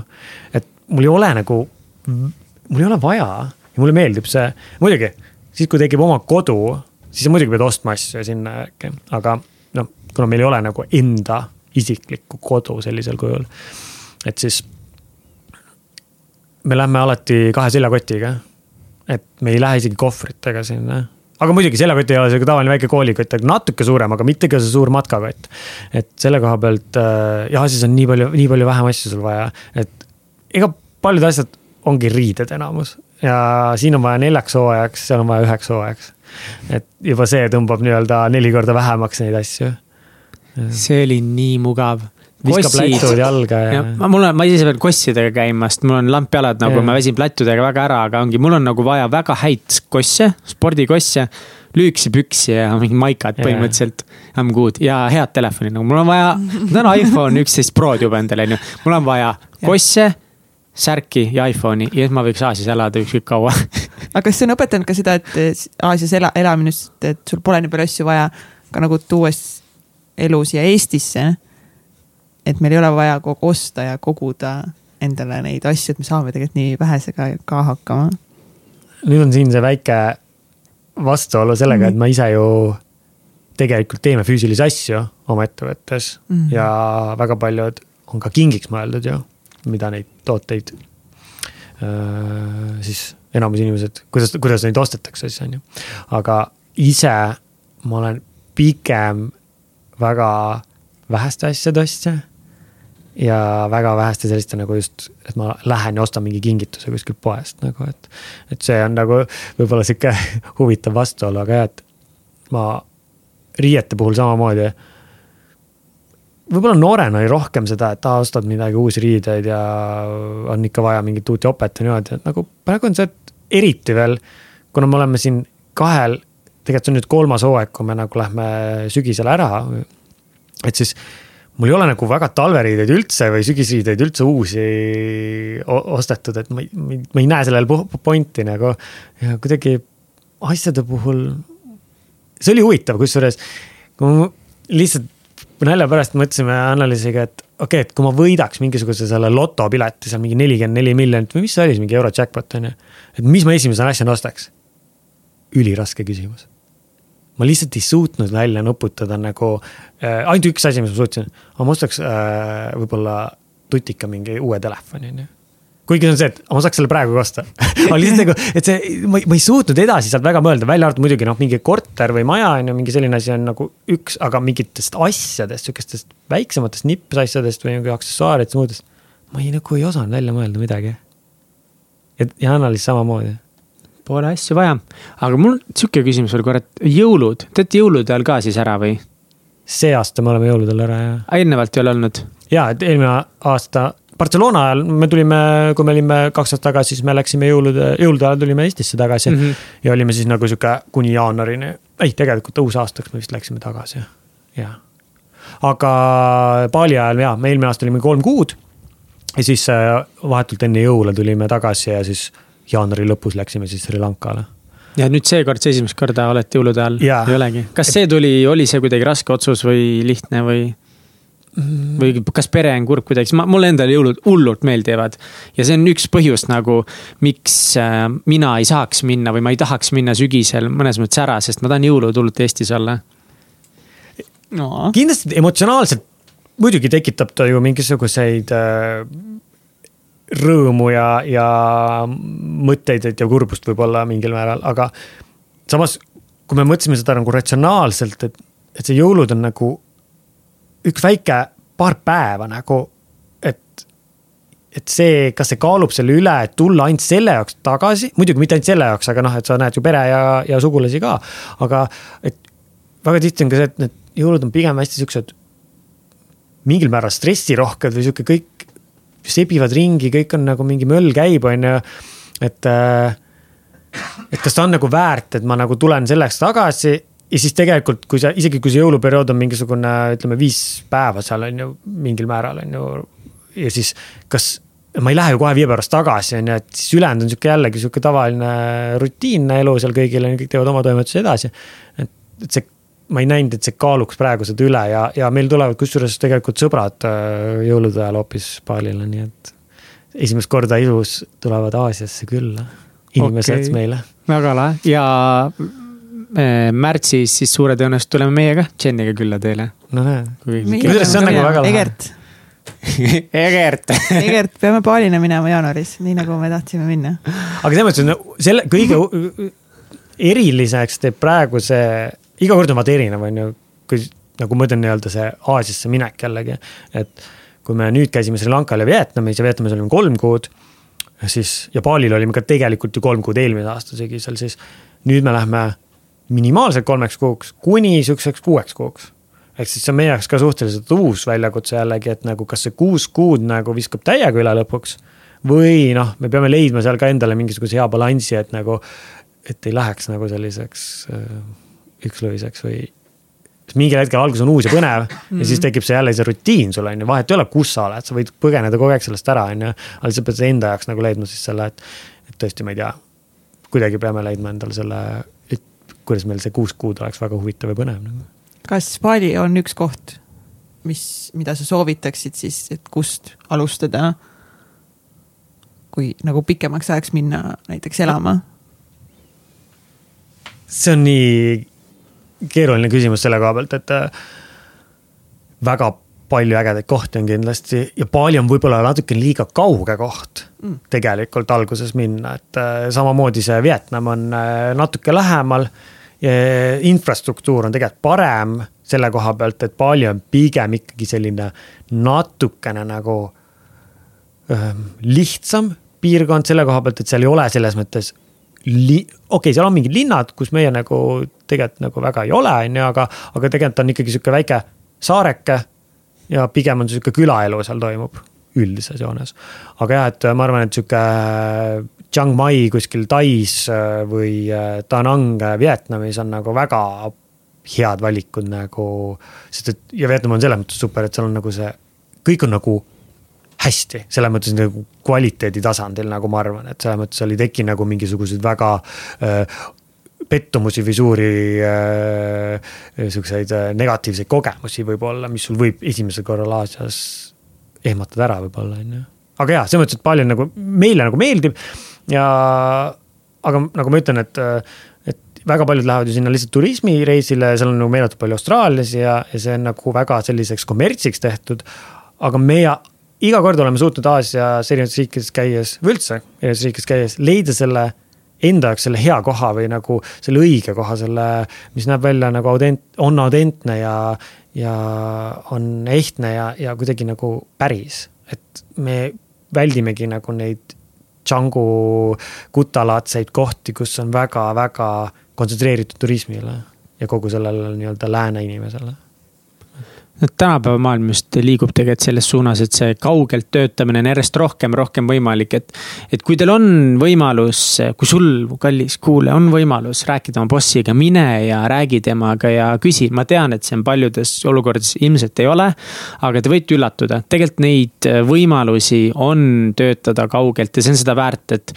et noh, ma ei tea, kuidas see lastek kõik välja näeb, meil ka obviously lapsi ei ole kellelgi, et ei oska siinkohal kommenteerida, küllap on raskem, aga senikaua kui näiteks näiteks ei ole neid lapsi ja töö kuidagigi võimaldatakse natukesekski, proovige seda, ma arvan, et see on noh küll pärast jõuab siis Eestis elada ka paikselt, aga et see on nagu ideaalne praegu kogeda seda. ja see ei pea olema kuid ka ju. ja, ja, ja täpselt. kuue, ühest kuust mm, -hmm. selles mõttes alustuseks on ju, vaadata üldse, kas sobib, meeldib ja, ja tegelikult.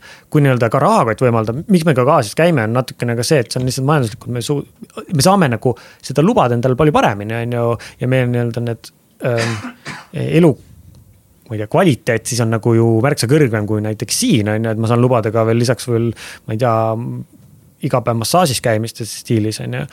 aga kui võimaldab, siis miks mitte proovida kuu aega Tenerifel on ju, sest seal on ka väga huvitavaid ja põnevaid saari on ju, või Kanaaridel, mitte Tenerife, aga Kanaari, Kanaari saared on ju. et see on Euroopale nii lähedal, samal ajal seal on nagu aasta ringi sihuke esna enam-vähem väga mõnus kliima on ju. kas teil on yeah.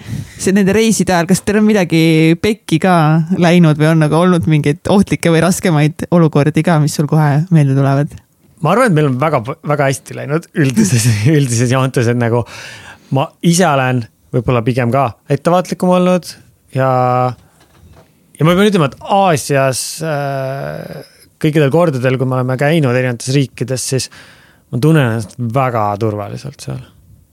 et isegi noh, umbes stiilis äh, Tallinnas õhtul äh, jalutades nagu või noh, on tunne, et nagu nüüd võib mingi action'it saada versus see, et äh, kuskil Vietnamis suvalises äh, back alley's äh, kottpimedal tänaval kõndides ülimõnus. noh, selles mõttes, et ei tunne nagu selles mõttes sihukest äh, mingisugust hirmu ja niimoodi, et. aga mingisuguseid äh, sündmusi.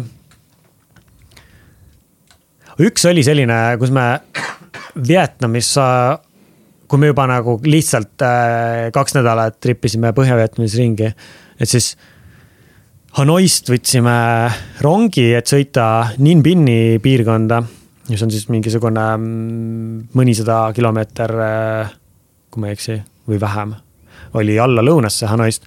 siis õhtune rong ja jõudsime sinna mingisugune peale kümmet äh, siis sinna väiksesse piirkonda. ja meie ööbimine oli üldse mingi mitu kilomeetrit eemal kuskil täiesti põldude vahel. ja siis, kui rongi pealt maha tulime, siis oligi, et üks kohalik mees kohe võtab, vaatab turist on ju, ahah, jumala tühi ka, mingi mõned üksikud inimesed tulid seal rongi peal maha, enamus rong sõitis edasi, on ju. ja siis äh, okei okay,, davai, kuhu lähed, on ju, et äh, võta takso, on ju. Alguses on nagu, tead, ei julge kunagi võtta nagu neid, saad üle ka alati nende tüüpide käest, kes alati ise peale lendavad seal, on ju. ja siis äh, okei okay,, et kuna see oli ainuke ka nagu tundus, et noh, et palju me ikka siin öösel saame seda autot ja niimoodi, davai, et lähme.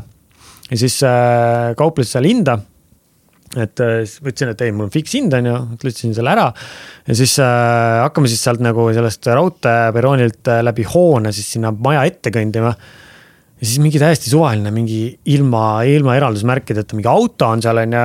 et davai, et hüppa autosse, on ju, et ütles, et tahad, tahad, tahad pagassi panna, vaata kotid värgid. ma ütlesin, et kuule, et ärme pane vaata sinna pagassi, et noh, võtame ikkagi enda sinna tagaistmele need kotid ja. ja siis lampi istub tema roll taha ja siis tuleb kaasreisijana tema kõrvale mingi suvaline vend. nagu, et mis asja nagu, et noh, ma leppisin nagu sinuga kokku, aga no okei okay,, no kergelt värk on ju.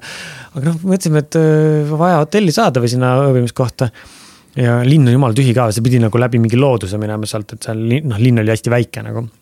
läbi põldude ja värkide. Äh, ja siis mul oli Google Maps kohe lahti, vaata, et nagu, et okei okay,, et äh, igaks juhuks, et kas on õigesse suunda lähme, on ju, okei okay,, lähevad, lähevad, on ju. alguses, aga siis nagu nii kuidagi imelik sihuke mm.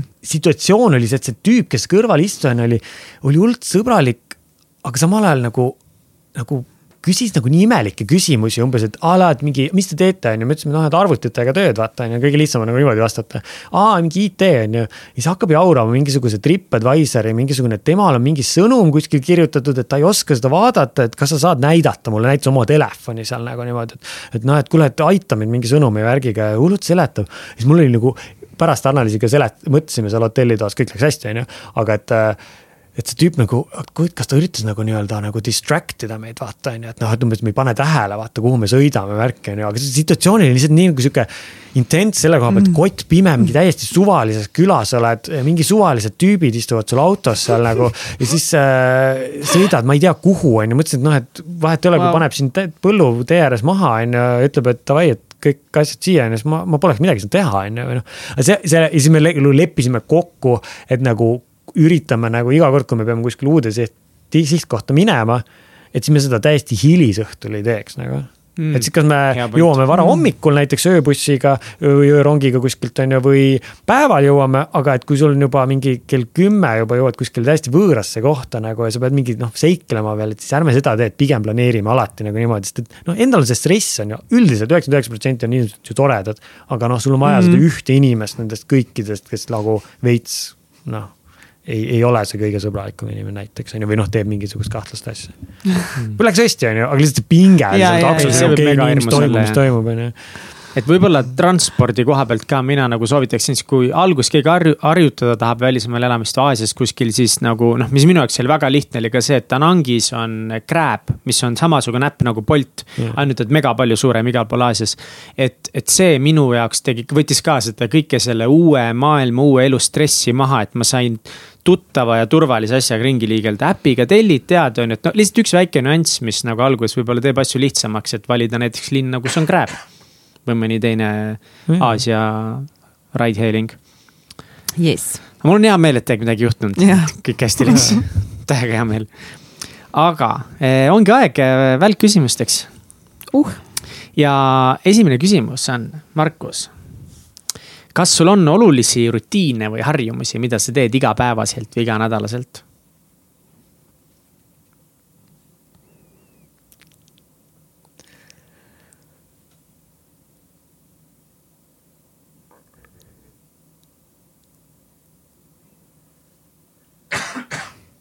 See on ma... Egert, kes köhib.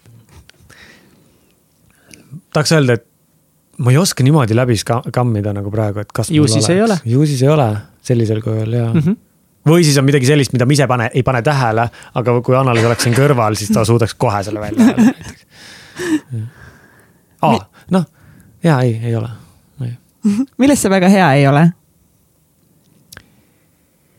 sellises aja planeerimises see on mul päris suur äh, probleem. see on siis omadus, ettevõtjatel pole üldse oluline jah, aga samal ajal seni, kuni sa teed seda ise, siis on okei okay,, on ju, aga siis, kui pool on nagu inimesed, kes sõltuvad sinust või kes ootavad sinult midagi, siis, siis hakkab juba nagu natukene olu-, muutuma oluliseks asi juba. Äh, mille üle sa oled kõige uhkem oma elus?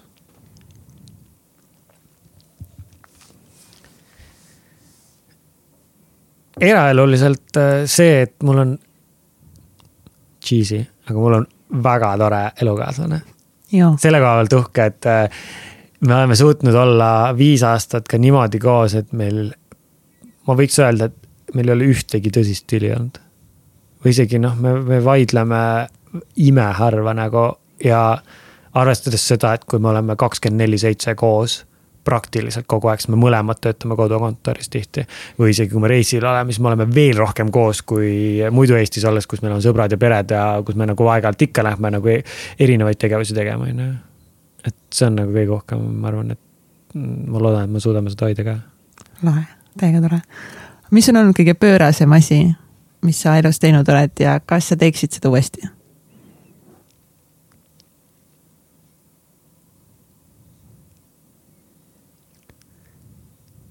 Ma, kõige pöörasem asi.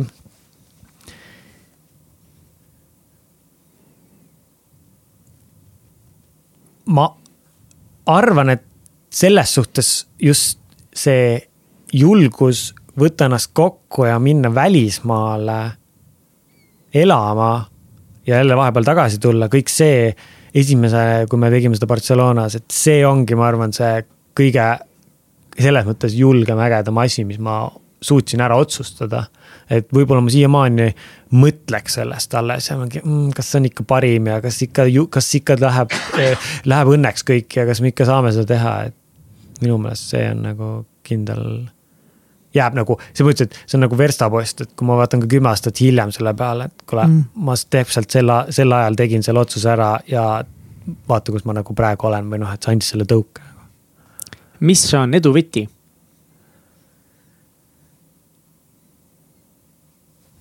Edu võti on. Äh,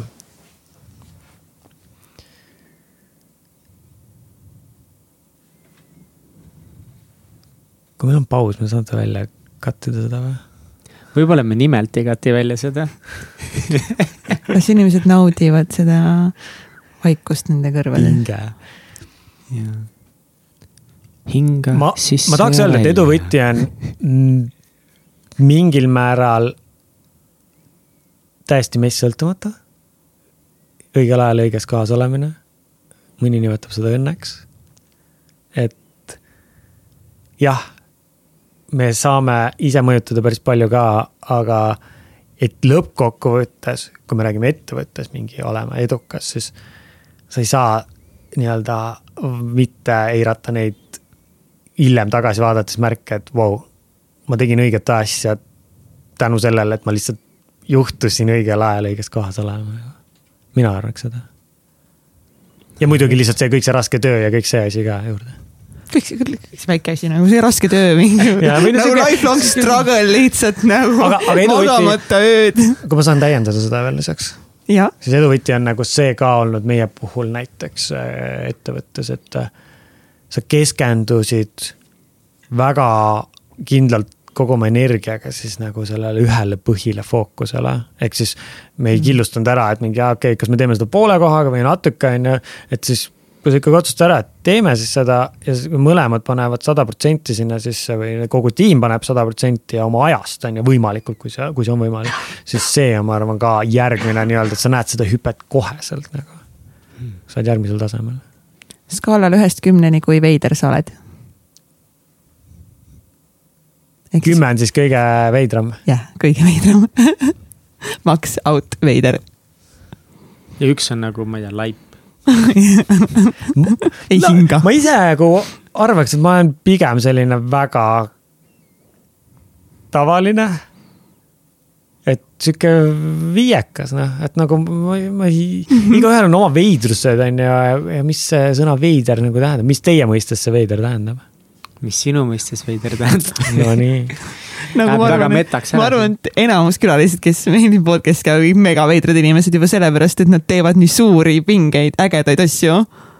aga, vaata, nagu... aga siis ongi see, et see küsimus peaks äh, teine, keegi teine vastab sellele selles mõttes paremini, et mina nagu hindan ennast nagu hoopis teistel mingitel mm. alustel. aga seda ongi põnev näha, kuidas inimene ise ennast hindab yeah..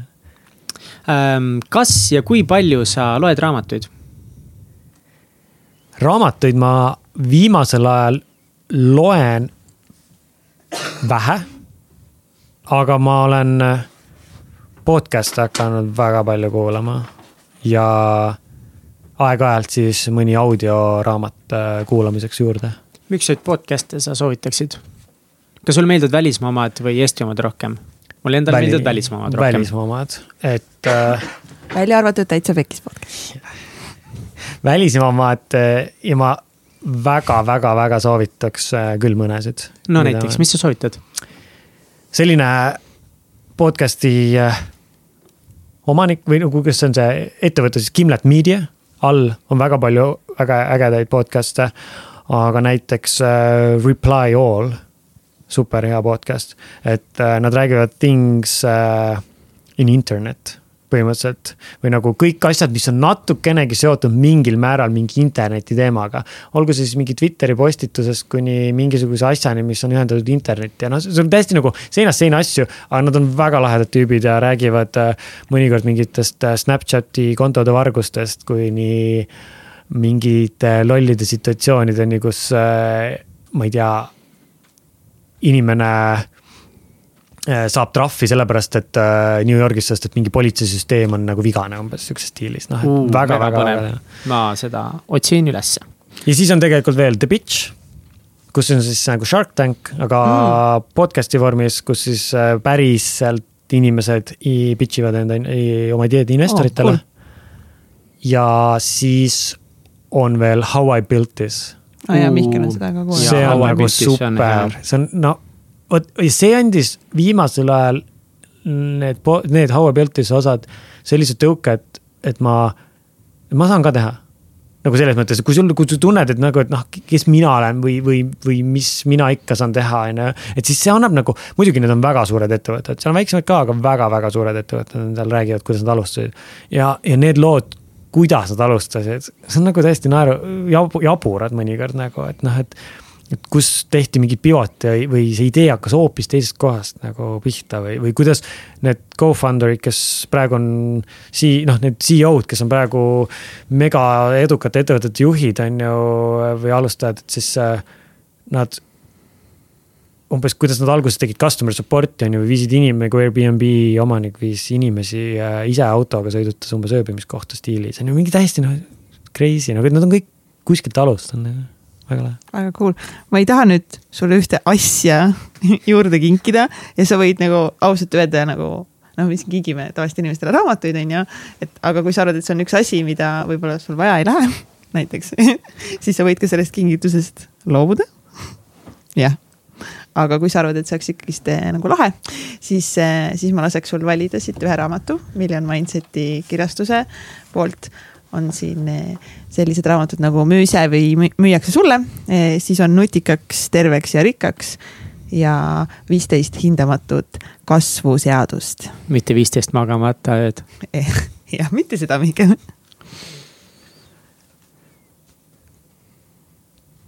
kas te ise oskate midagi öelda nende kohta, et äh, mis on nagu. Nendest kolmest ma pole ühtegi lugenud. ma olen, ma olen seda, mitte küll lõpuni, see müügiraamatut lugenud veits, et kui on nagu müüki vaja teha või seda parandada, siis see on cool raamat, aga ma arvan, et see on sihuke klassikaline. John C Maxwell jällegi on väga hea kirjanik, kellel Jaa. mul on mitu raamatut ja John C Maxwell käis ka seal, vaata Rootsis, Soomes tehakse seda Nordic Business Forumit, ta on seal olnud peaesineja mingi kaks aastat tagasi, midagi sihukest, ta on väga kõva vend. nii et mina isiklikult võib-olla isegi soovitaks seda, aga ma ei tea, sina pead valima. see tundub nagu väga ahvatlev. jaa, Grant Cardone ikkagi. jaa, ma arvan, need on kõik selles mõttes head, head raamatud. ma arvan, et noh, see on äh, müü ise või müüakse sulle. kuidas saavutada enda elus ja äris juhtpositsioon, no vot, super. sest müüki tuleb osata teha. no täpselt. Markus, kas ma, oota, ma küsin. nii Markus, Markus, küsi, küsi, mis sa küsid? ma tahan küsida seda, et. mis sa tahad? et kas ta, mis sa tahad? kas ta võtaks selle raamatu sinna baalile kaasa. ja siis, kui me läheksime sinna, siis, siis oleks nagu, siis esiteks võtaks tügikese meist sinna kaasa ja siis, kui me läheks sinna ka baalile, siis, siis saaks nagu näed kõik siin koos pilti teha koos selle raamatuga ja see oleks nagu mingi thing. kas see mahub sulle kotti või? aga sa annad lubaduse, et sa tuled paalile ka. Boom, ops, nii. Mihkel on siin nagu minu meelest juba juba avalikult millal, kui kaua te millal teil on, aa, te ütlesite, vähemalt neli kuud on ju? ei no ütleme, ma arvan, et kuskil kuus kuud oleme ikka ära, mingi aprillini oleme ikka ära. okei okay,, davai, ma luban, ma tulen teile baarile külla. Egert, Egerti nägu lihtsalt. sureb ära siin kõrval, aga pole kas sa hullu saad. selle kuidagi nagu highlight ida või kuidagi nagu eraldi selle lõigu välja lõigata ja me panna selle saame üles? ja me. saame, me saame teha mingi Instagrami pildi sellest eraldi ja mingi Facebooki postitus ainult selle lausega ja jah, uh,, super uh,, uh. aga. ainult siis, kui sa selle raamatu kaasa võtad. Mulle meeldib, kus Kats võtab lihtsalt kogu aeg nagu mingi crazy sid äh, väljakutseid vastu, ei super. diil diili vastu. Deal deal'i vastu nagu, good for you.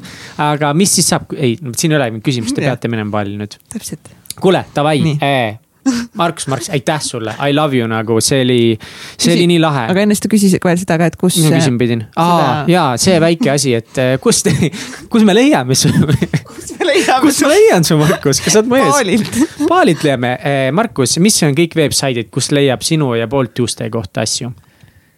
Bolt Tuesday kohta leiab bolttuesday.com ehk siis igaks juhuks ütlen julge teisipäev võiks eesti keeles kõlada. mm,. väga hea tähend-, täiend et. see ei ole old ega nold või mida iganes, aga gold, vaid bold, bold, Bold Tuesday. Tuesday. ja Instagram on samamoodi sama nime all ja meil on väga tugev jälgijaskond, nii et minge pange kõik follow.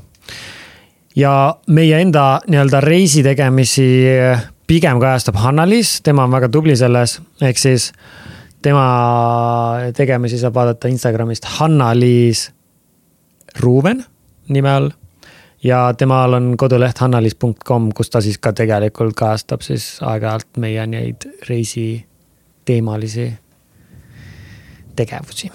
ja minge tšekake üle kindlalt. Need teevad üliilusaid pilte ka, mulle meeldib ja Bolt Tuesday'l on ka veel blogi, et seal on ka veits võib-olla midagi huvitavat. no noh, võib-olla ei ole, aga noh. on, ma kusjuures vaatasin täna seda Bolt Tuesday blogi, siis olid jumala lahedad blogipostitused nagu reisimisega seotud on lahti see. asju, mida, mida sa ei teadnud maailma linnade, riikide kohta, nii et tšekkage kindlasti mu lemmik eh, blogipostitus Hundred travel girls to follow on Instagram in two thousand nineteen. ma arvan, et see on hea postitus. okei, lahe, Markus Marks, Bolt Tuesday, Mihkel Vetemaa, Katrin Hinrikus, Karu, Buum, kõik jutud. nagu nii lahe, et sa tulid meile jagama enda, enda teekonda ja seiklusi ja mina olen küll väga happy, et sa tulid ja ma arvan, et meie kuulaja on ka väga rahul. sai Aitäh. palju loodud uusi mõtteid ja ideid ja miks reisida ja miks teha oma ettevõtet ja turvalist lendu sulle ja turvalist trippi ja nautige täiega ja varsti juba näeme. varsti näeme. tšau. tšau. tšau.